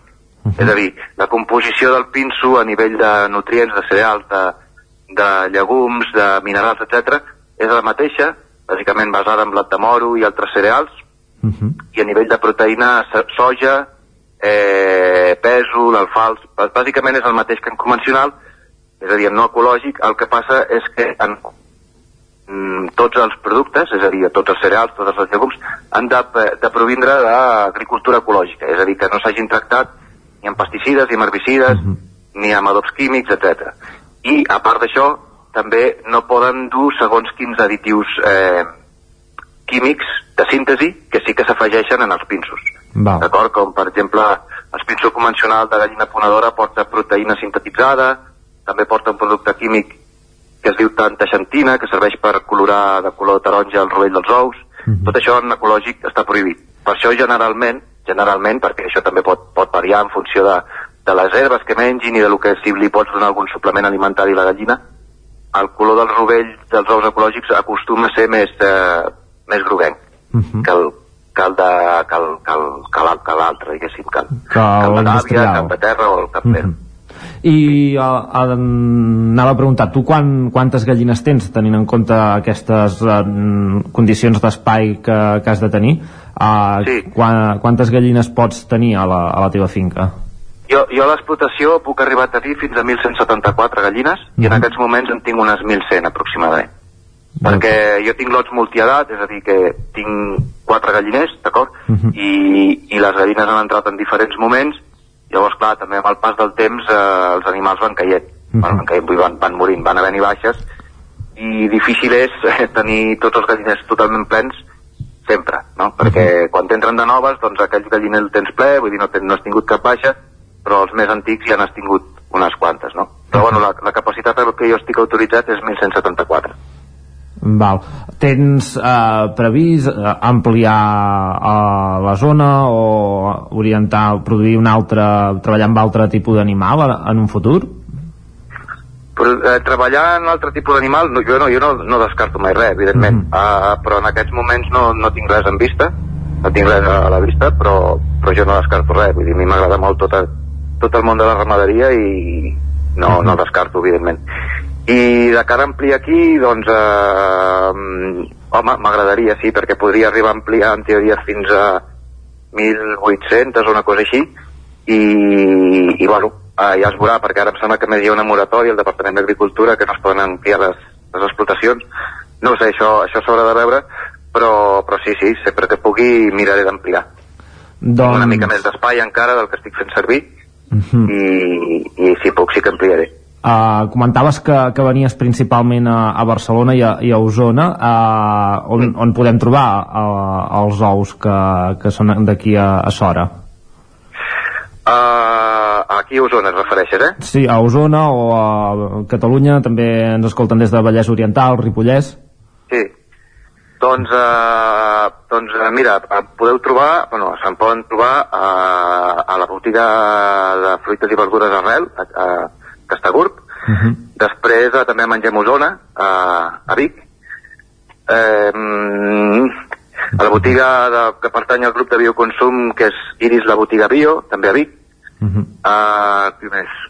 Aquí una petita botigueta que es diu l'Empar, aquí a Montesquieu, després una, una botiga que es diu Calcalla, a Manlleu, a la Selecta, també a Manlleu, eh, a la, una botiga que es diu Gram, a Torelló, que està a la plaça Nova de Torelló, i de cara a Barcelona, eh, sobretot a les botigues Molsa, les botigues Molsa que formen part del grup Bioconsum, que són unes botigues, diguéssim, que venen tot de diferents productes ecològics, eh, és com un petit supermercat de productes ecològics, però una cosa molt més propera, més reduït, més proper.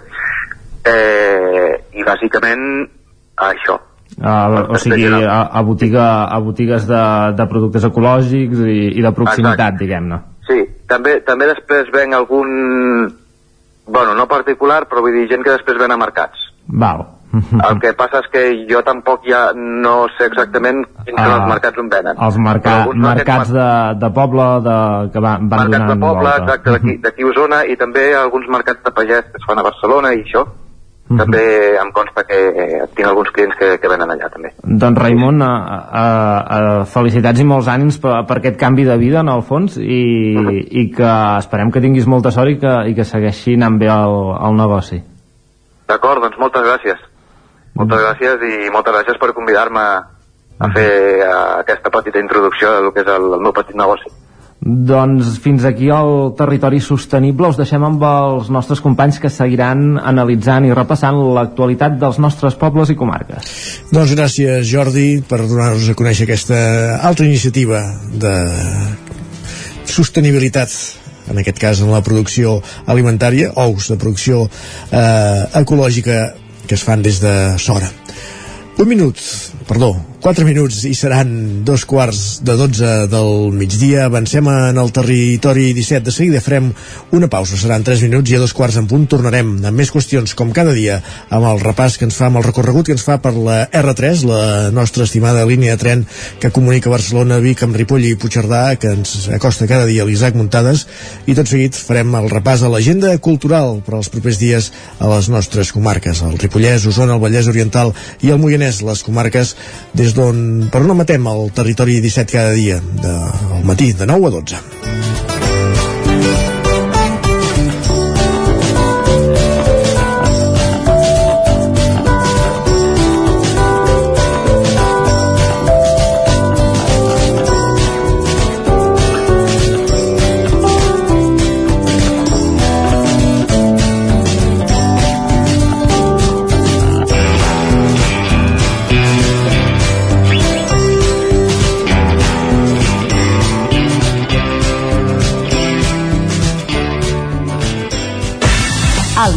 FM, la ràdio de casa, al 92.8. Quan arriba la nit de Tots Sants, les bruixes tornen a Viladrau. Des de 1997, el 31 d'octubre arriba al Ball de Bruixes, un espectacle de carrer teatralitzat amb música, dansa, llum i foc en què 14 dones de Viladrau es reuneixen per celebrar la seva última junta abans de ser condemnades i executades. Aquest any, doble representació a les 9 i a dos quarts d'onze del vespre. Reserva ja la teva entrada i vine a commemorar la persecució de les bruixes. El 31 d'octubre, 24è Ball de Bruixes de Viladrau. Consulta totes les activitats a viladrau.cat. El racó de León. Gaudeix de la nostra terrassa. Vine a tastar les xuletilles de lechal a la brasa amb una bona amanida o el xuletón de vedella gallega. No et pots perdre el nostre lechado de Castilla al forn o el cochinillo a l'estil de Segovia. Tot acompanyat del millor celler, al menjador o fora la terrassa. Descobreix la millor cuina de lleó sense moure't de casa. Vine amb la família, els amics, la parella o sol. T'encantarà. El racó de León, cuina tradicional lleonesa i de mercat. Som al carrer Torelló número 35 de Vic. Per reserves, telèfon 93 889 1950. El racó de León, una cuina diferent. Som especialistes en cargols a la llauna. Vine a tastar-los al racó de León. A Corretja tenim tot el que necessites per la teva llar. Tot tipus de paviments i revestiments, sistemes d'aïllament, cobertes, parquets, aixetes, ferreteria, pintures, fixació i cargoleria, vestuari i material de seguretat. Disposem de més de 3.500 metres quadrats d'exposició amb una nova zona exterior d'aïllaments. A Corretja som especialistes en cuines i banys. Us assessorem, dissenyem i realitzem el projecte des de l'inici fins a la fi del muntatge. 100% cuines, 100% banys. Al carrer Mas Vigues 8 de Vic, a corretja-sl.com o a Instagram. 100% materials per la construcció i la decoració. 100% corretja. Això és el que s'escolta al voltant d'una caldera saunia d'Oval. Tranquilitat i benestar, perquè gaudeix del millor manteniment del servei tècnic oficial per estar despreocupat. O el que vulgui. Informis a Oficiat Nord trucant al 938860040. Saunia d'Oval, sempre al seu costat. Cocodril Club. Si t'agrada la bona música dels anys 60, 70 i 80, escolta el 9 FM als matins de dissabtes i diumenges d'11 a 1. És el temps del Cocodril Club, tot un clàssic de la ràdio, amb les bases del pop-rock, les llegendes, les cançons que s'han convertit en autèntics himnes. Recorda, dissabtes i diumenges al matí, d'11 a 1, al 9 FM 92.8. Cocodril Club. el programa Revival de l'Albert Malla. Hasta luego, cocodrilo. El nou FM, el nou FM, el nou FM, el nou FM, el nou FM. Territori 17 A Tren d'Alba. Cada dia els usuaris de la línia R3 de Rodalies que veuen sortir el sol des d'un vagó ens expliquen les gràcies i les penes del primer comboi que uneix Ripoll i Barcelona.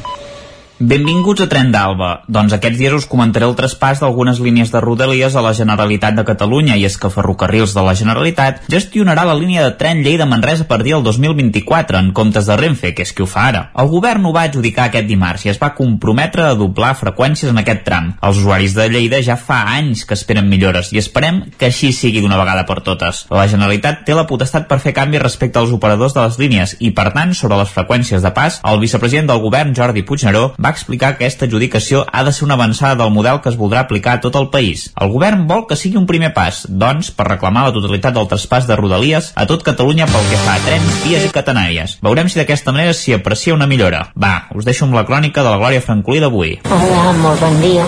Aquí la Glòria des de Carretes. Avui el tren que ha sortit de Torelló a les, a les 5.55 ha arribat a Barcelona Sants amb 11 minuts de retard. O sigui, pràcticament una hora i tres quarts per arribar a la ciutat. déu nhi En fi, què hi farem? Ja sabem que la puntualitat no és el tema principal de um, avui el tren m'he fixat era un tren bastant xulo Sicília em sembla llarg dels còmodes però això a vegades també ens passa era un, amb seients durs. I m'he fixat que tenia que estava cert, una mica vandalitzat és a dir, hi havia uns adhesius els adhesius que hi ha a les portes que t'indiquen doncs, com has de baixar que vagis en compte per si passen més trens és a dir, són uns, uns, uns adhesius informatius diguéssim, hi havia aquest i n'hi havia dos més de com ens hem de comportar al tren de, de, en termes de mascareta tal i qual, que estaven enganxats allà a la, l'armeria on hi ha el martell per tancar el vidre en cas d'accident. Clar, per mi això, deixant a part que estèticament quedava molt lleig, és que no entenc per què ho fa la gent. Aquestes coses de desendreçar i de mal utilitzar un recurs que és de tots. Em posa molt trista. I, bueno, avui m'he fixat amb això Clar, el que hauria d'haver fet és avisar a través d'un tuit, per exemple, a Rodalies de que això està passant. Però per fer això has d'estar despert, has de tenir la càmera del mòbil a punt i la veritat és que no ho he fet.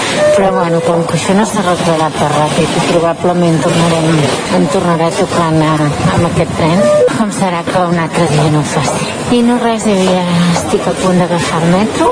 Avui arribaré una mica més tard a l'oficina, però com que vaig amb temps, realment no crec que passi.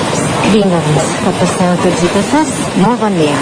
Aquests adhesius estan col·locats estratègicament perquè sigui més difícil trencar el vidre per agafar el martell en cas d'accident, que ja sabeu que és impossible que hi hagi problema en els trens de Renfe. Ironia off. Va, ens retrobem demà amb més històries del tren i de la R3.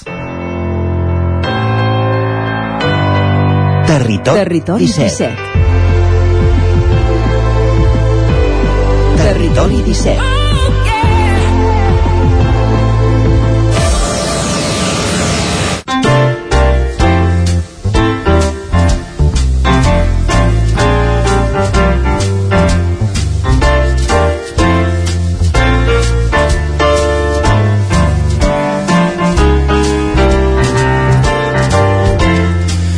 Doncs després del recorregut diari per la R3, comencem el recorregut setmanal pels espais on programen cultura a les nostres comarques. Per conèixer què ens tenim previst per què podem anar a veure els propers dies tant eh, al Vallès Oriental com al Moianès, com al Ripollès, com a Osona, en els diferents equipaments culturals d'aquests territoris. Comencem el recorregut, comencem la roda a Cardedeu. Saludem l'Òscar Muñoz. Bon dia, Òscar. Bon dia. Com ho tenim, això? Doncs ho portem bé. Aquí a Cardedeu aquest cap de setmana farà olor a xocolata. Ah, això, això m'agrada.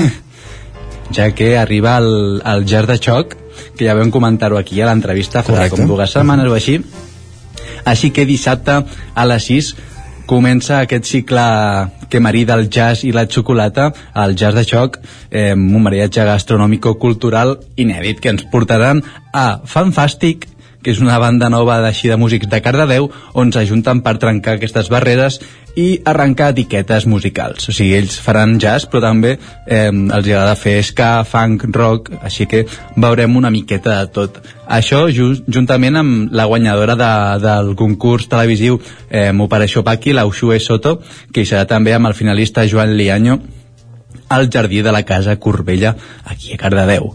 Tot això Molt bé. farà olor a xocolata, hem comentat, ja que la pastisseria Ricols oferirà un pastís inspirat en la proposta eh, d'aquest estil que va presidir el James Brown i li han dedicat aquest pastisset anomenat James Brownie.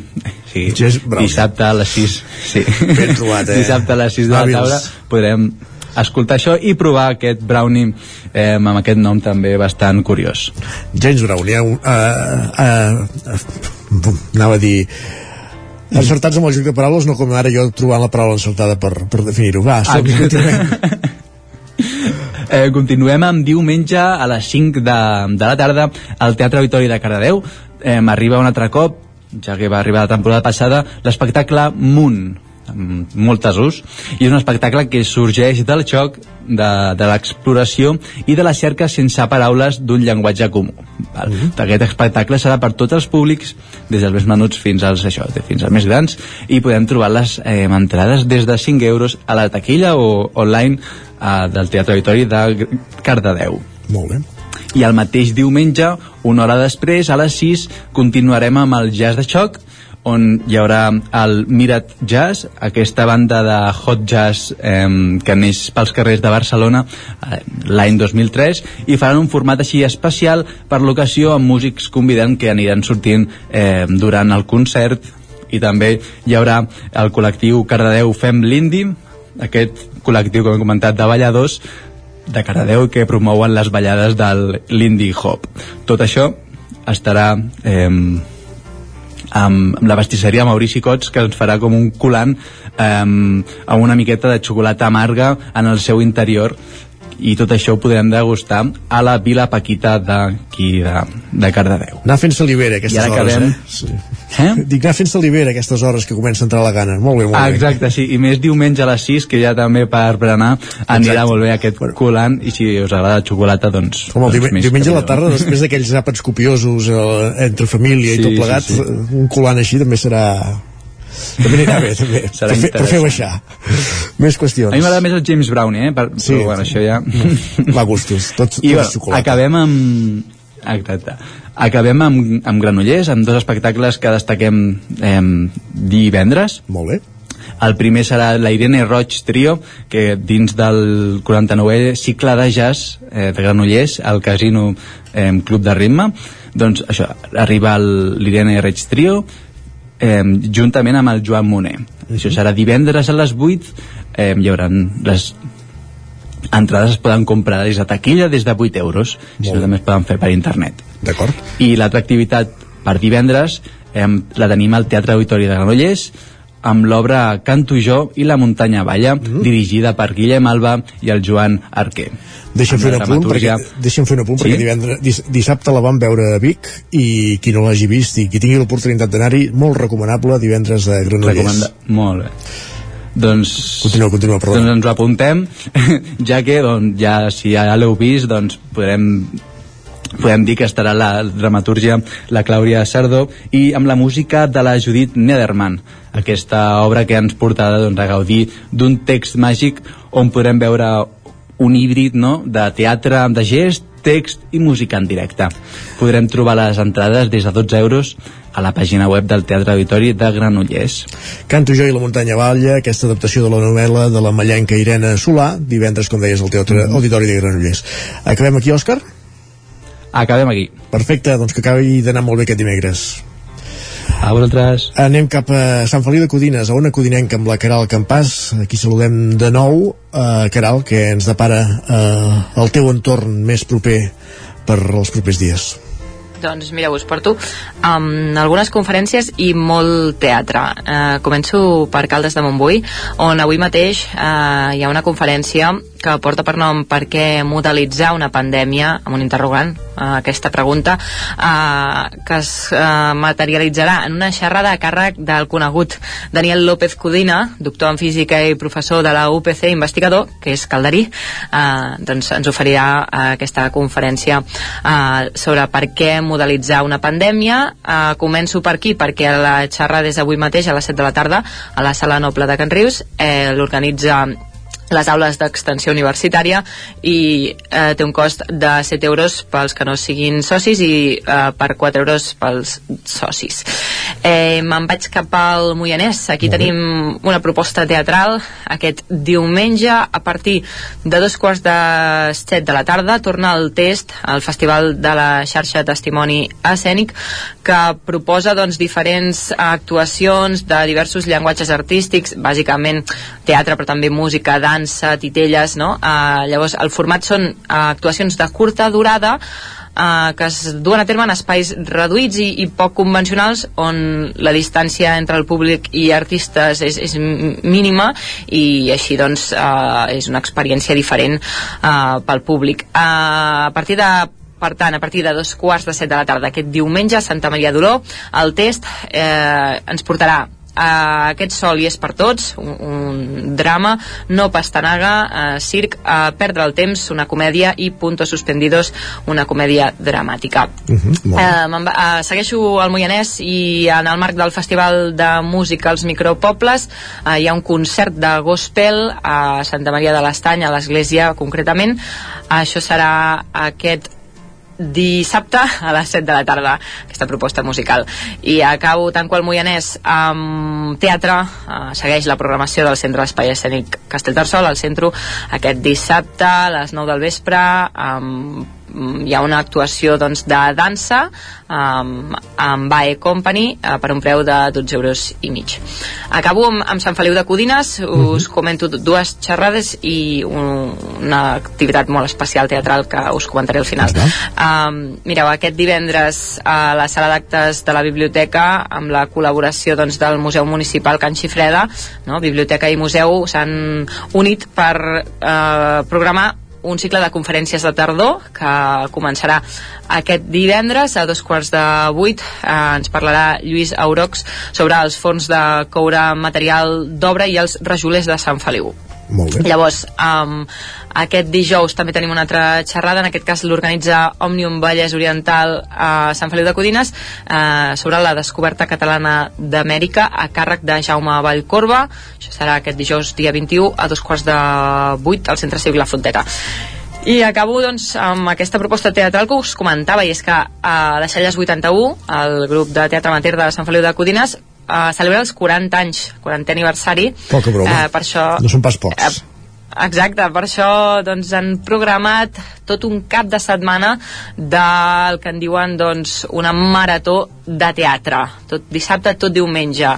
Us comento doncs, el que ens portaran. Um, dissabte, a partir de les 6 de la tarda són uh, obres uh, de petit format uh, Somnis, Les Cloquetes Tarzan en casa i Cookies a partir de les 9 del vespre Les petites coses, Estupenda Aquell petit tu, Sweet Home i Ella tot això dissabte. I diumenge uh, a partir de les 10 del matí Claymore i a partir de les 12 petites obres eh, així en format reduït el catecisme, vida de creient al final tothom mor i vernissatge. Al final doncs diumenge a les 2 del migdia dinar d'aniversari i, di, i a les eh, 6 de la tarda després d'aquest dinar el diari d'Anna Frank. Marató de Teatre Sant Feliu de Codines per celebrar aquest 40 aniversari. Doncs perfecte, Caral, moltes gràcies a vosaltres. Que acabi d'anar bé el dia i anem directament cap a Sant Joan de les Abadesses, a la veu de Sant Joan amb l'Isaac Muntades.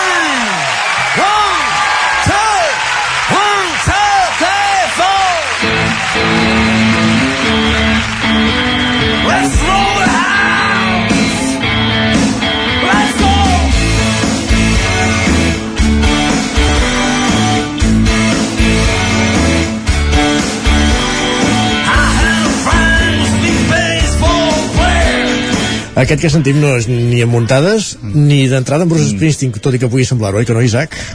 Exacte, la la imitació és, és perfecta, eh, pràcticament, perquè aquest cap de setmana us he de comentar que potser el, el que és l'acte estrella eh, és que ve Manuel Fuentes, en Manel Fuentes aquí a, a Sant Joan de les Abadeses amb el seu espectacle La vida de Bruce que Mhm. evidentment doncs, eh, retrata doncs, eh, el, el bosc eh, i evidentment segurament en aquest espectacle que ve acompanyat eh, de tres persones més de- d'aquesta banda no? que ell ja fa uns anys que doncs, es dedica a imitar a Bruce Springsteen doncs ens, eh, ens canti cançons eh, clàssiques com, com aquesta que, que sentim eh, Glory Glory Days. Days, exacte o també Born in the, in the USA Dancing in the Dark, Born to the Run les mítiques cançons de, de Bruce Springsteen. I el tindrem al Teatre Centre a dos quarts de nou del vespre.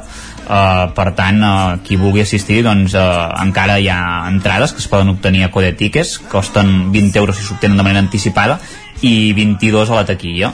I ja veieu doncs, que el cicle de tardor 2021 del SAT Teatre Centre està en plena forma. I aquest mes d'octubre eh, a banda de- d'aquesta actuació de, de Manel Fuentes que també és eh, d'alt nivell la setmana que ve més perquè tindrem l'actriu Sílvia Bell amb, amb lectures eh, dramatitzades però bé en parlarem dimecres que ve us en donarem més. Deixem acabar d'escoltar aquesta cançó i continuem, Isaac, un moment.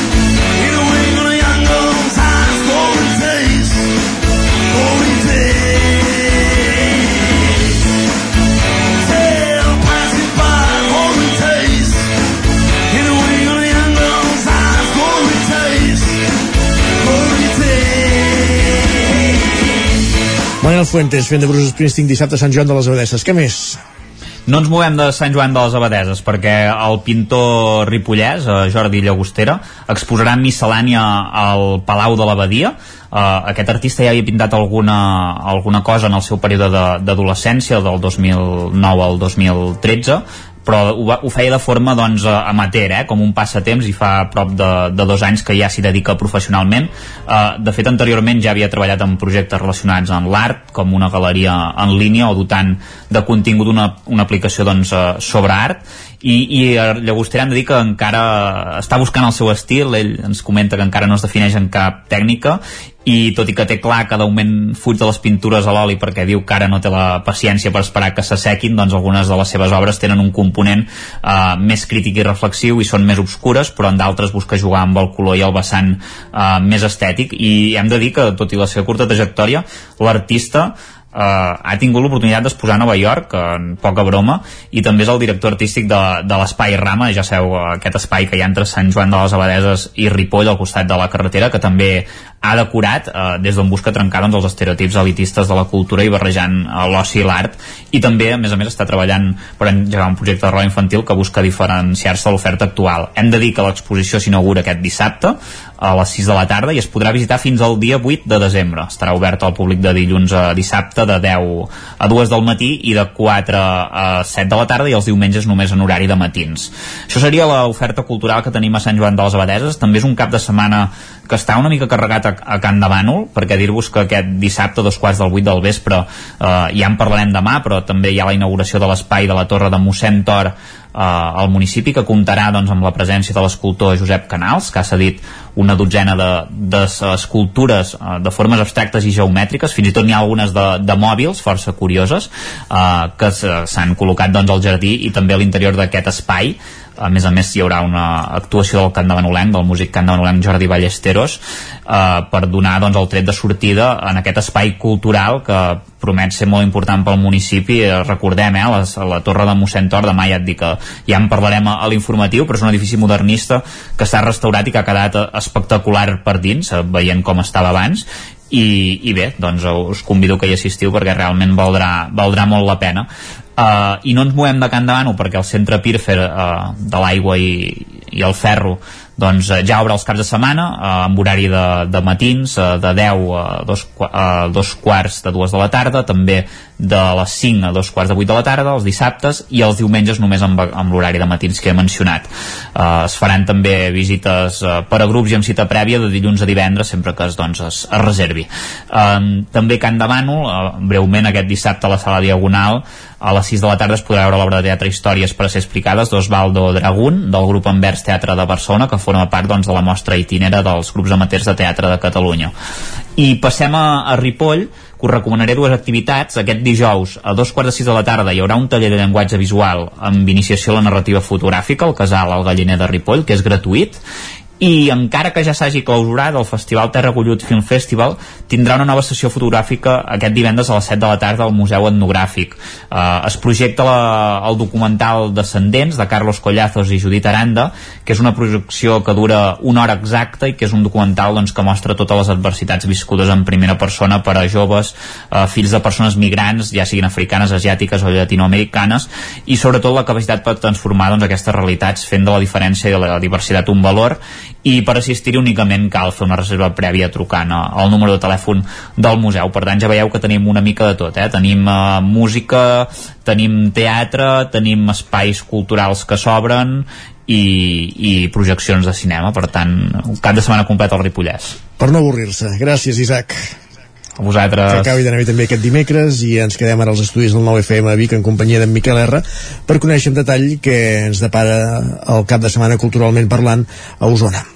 Doncs un cap de setmana prou potent, eh, un cap de setmana que començaríem, si us sembla, a l'Atlàntida, perquè també és un cap de setmana molt intens, començant pel retorn del, del cicle de grans concerts, eh, aquest divendres a les 8 del vespre, i serà amb el, amb un, amb el Highlands, uh -huh. que és, seria com la tetralogia que han muntat la companyia Malpelo eh, a l'entorn de la figura i sobretot de, de la música de Johann Sebastian Bach, eh, combinat amb música, combinat amb dansa, són 16 intèrprets, entre 7 ballarins, un quartet de corda i un quartet de veus dalt de l'escenari, eh, una mica donant això, no? donant eh, aquesta, aquesta visió sobre la, sobre la música de, i el llenguatge i la sonoritat que, que avui ens pot representar la música barroca de Bach dissabte a les 8 del vespre.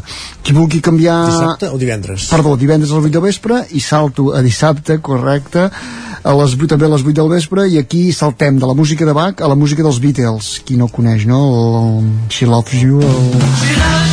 Sí, aquesta, oh, oh, oh. aquesta eh? l'hem clavat que consti que no ho havíem parlat això, eh?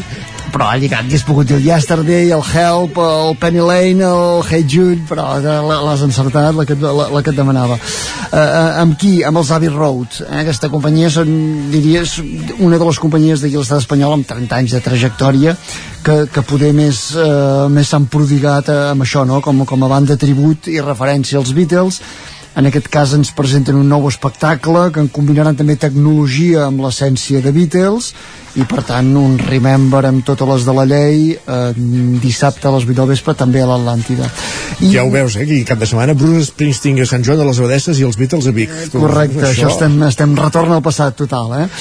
per qui vulgui, ja que estem a l'Atlàntida també és molt recomanable, va ser un muntatge que van, a, que van estrenar una mica en el marc dels 10 anys de l'equipament que són els de Corsia Teatre que proposen un viatge per l'interior, diguéssim, de l'equipament, molt recomanable, amb, amb un doble objectiu. Un, conèixer a vegades eh, el que són les estances interiors, que a vegades no les coneixem, no? Coneixem molt eh, la gran escena, la sala Ramon Montanyà, les sales de projeccions, però no l'interior, i fer-ho, a més a més, amb tota una reflexió a l'entorn del que seria eh, la, el paper de, de l'actor, no? Amb, amb Josep Simón, diguéssim, com a protagonista, amb, amb, i, i és un muntatge en direcció de, de Jordi Arqués, i la veritat és que molt, molt recomanable per això, no? Per, per, per, per entrar una mica en el paper de l'actor i també entrar al mateix temps a, a, a diferents espais de l'Atlàntida poc habituals de recórrer. Això se'n fan quatre sessions, eh, totes diumenge, a les 11 del matí, a les 5 de la tarda, a dos quarts de set del vespre i a les 8. Per tant, molt recomanable apuntar-se a aquesta possibilitat de tornar a veure aquest muntatge. Molt bé.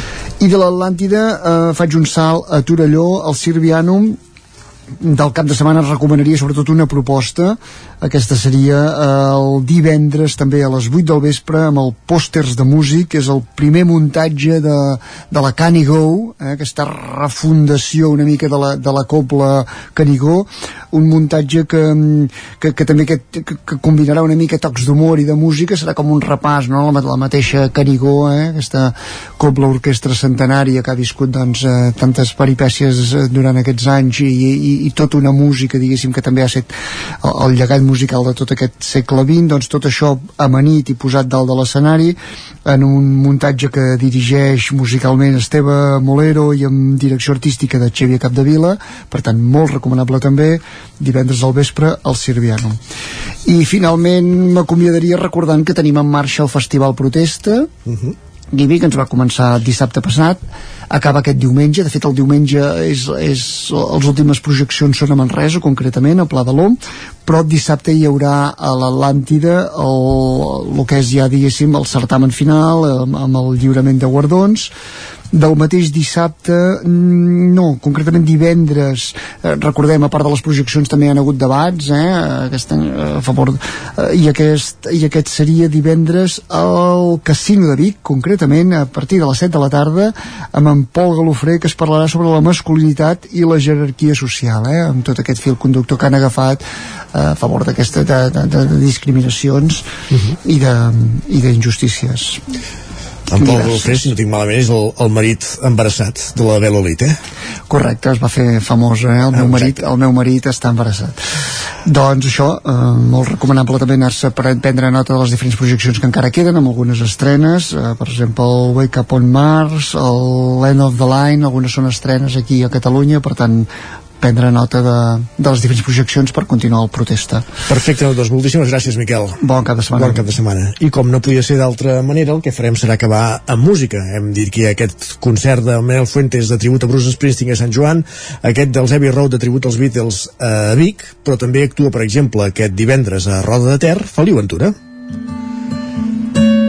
En el marc del cicle dels teatrets d'Osona, eh, com dèiem, el cantautor de Xàtiva serà a Roda divendres al Teatre Eliseu a partir de dos quarts de deu del vespre, presentant el disc Convocatòria.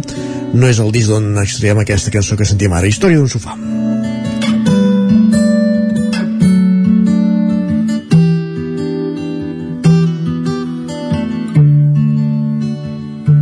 En els confins d'un vell sofà ric de mudances de què em desfaig per evident falta d'espai. He despertat unes càniques que hibernaven amb tres pessetes, un bolígraf i uns tiquets. Amb el perfum del magatzem de torrefactes i el sorollet dels sous batuts en duralex tot cavalcant per anar avall amb roba neta. Pujant després de tres en tres brut els graons. Vine-te'n amb mi només promeses Només vull que torne a casa. Aquell xiquet que un dia vaig ser. Perquè m'ensenya a parlar amb la veu nova de cada por que duc a dins doncs amb Feliu Ventura, que serà divendres, com dèiem, a Roda de Ter, acabem el Territori 17 d'aquest dimecres 20 d'octubre de 2021.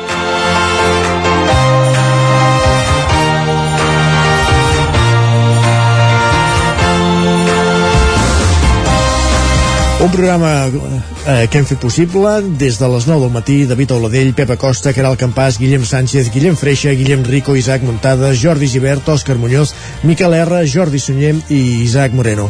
I tornarem demà a partir de les 9 del matí, com cada dia, aquí a les sintonies de Ona Codinenca, Ràdio Cardedeu, La Veu de Sant Joan, Ràdio Vic, el 9 FM i el 9 TV. Que vagi molt bé, bon dia.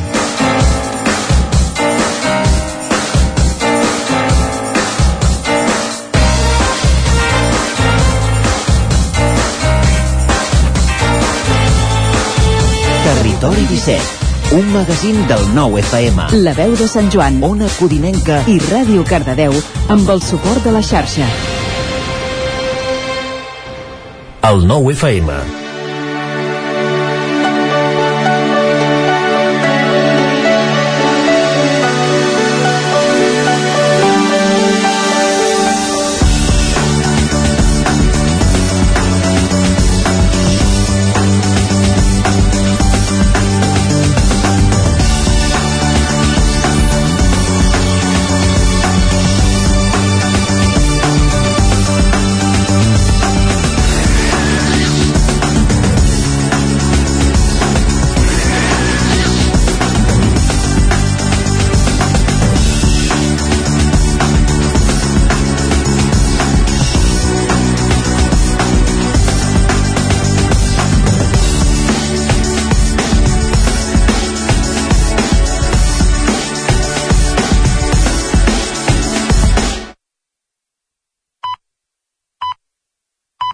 El 9 FM, la ràdio d'Osona.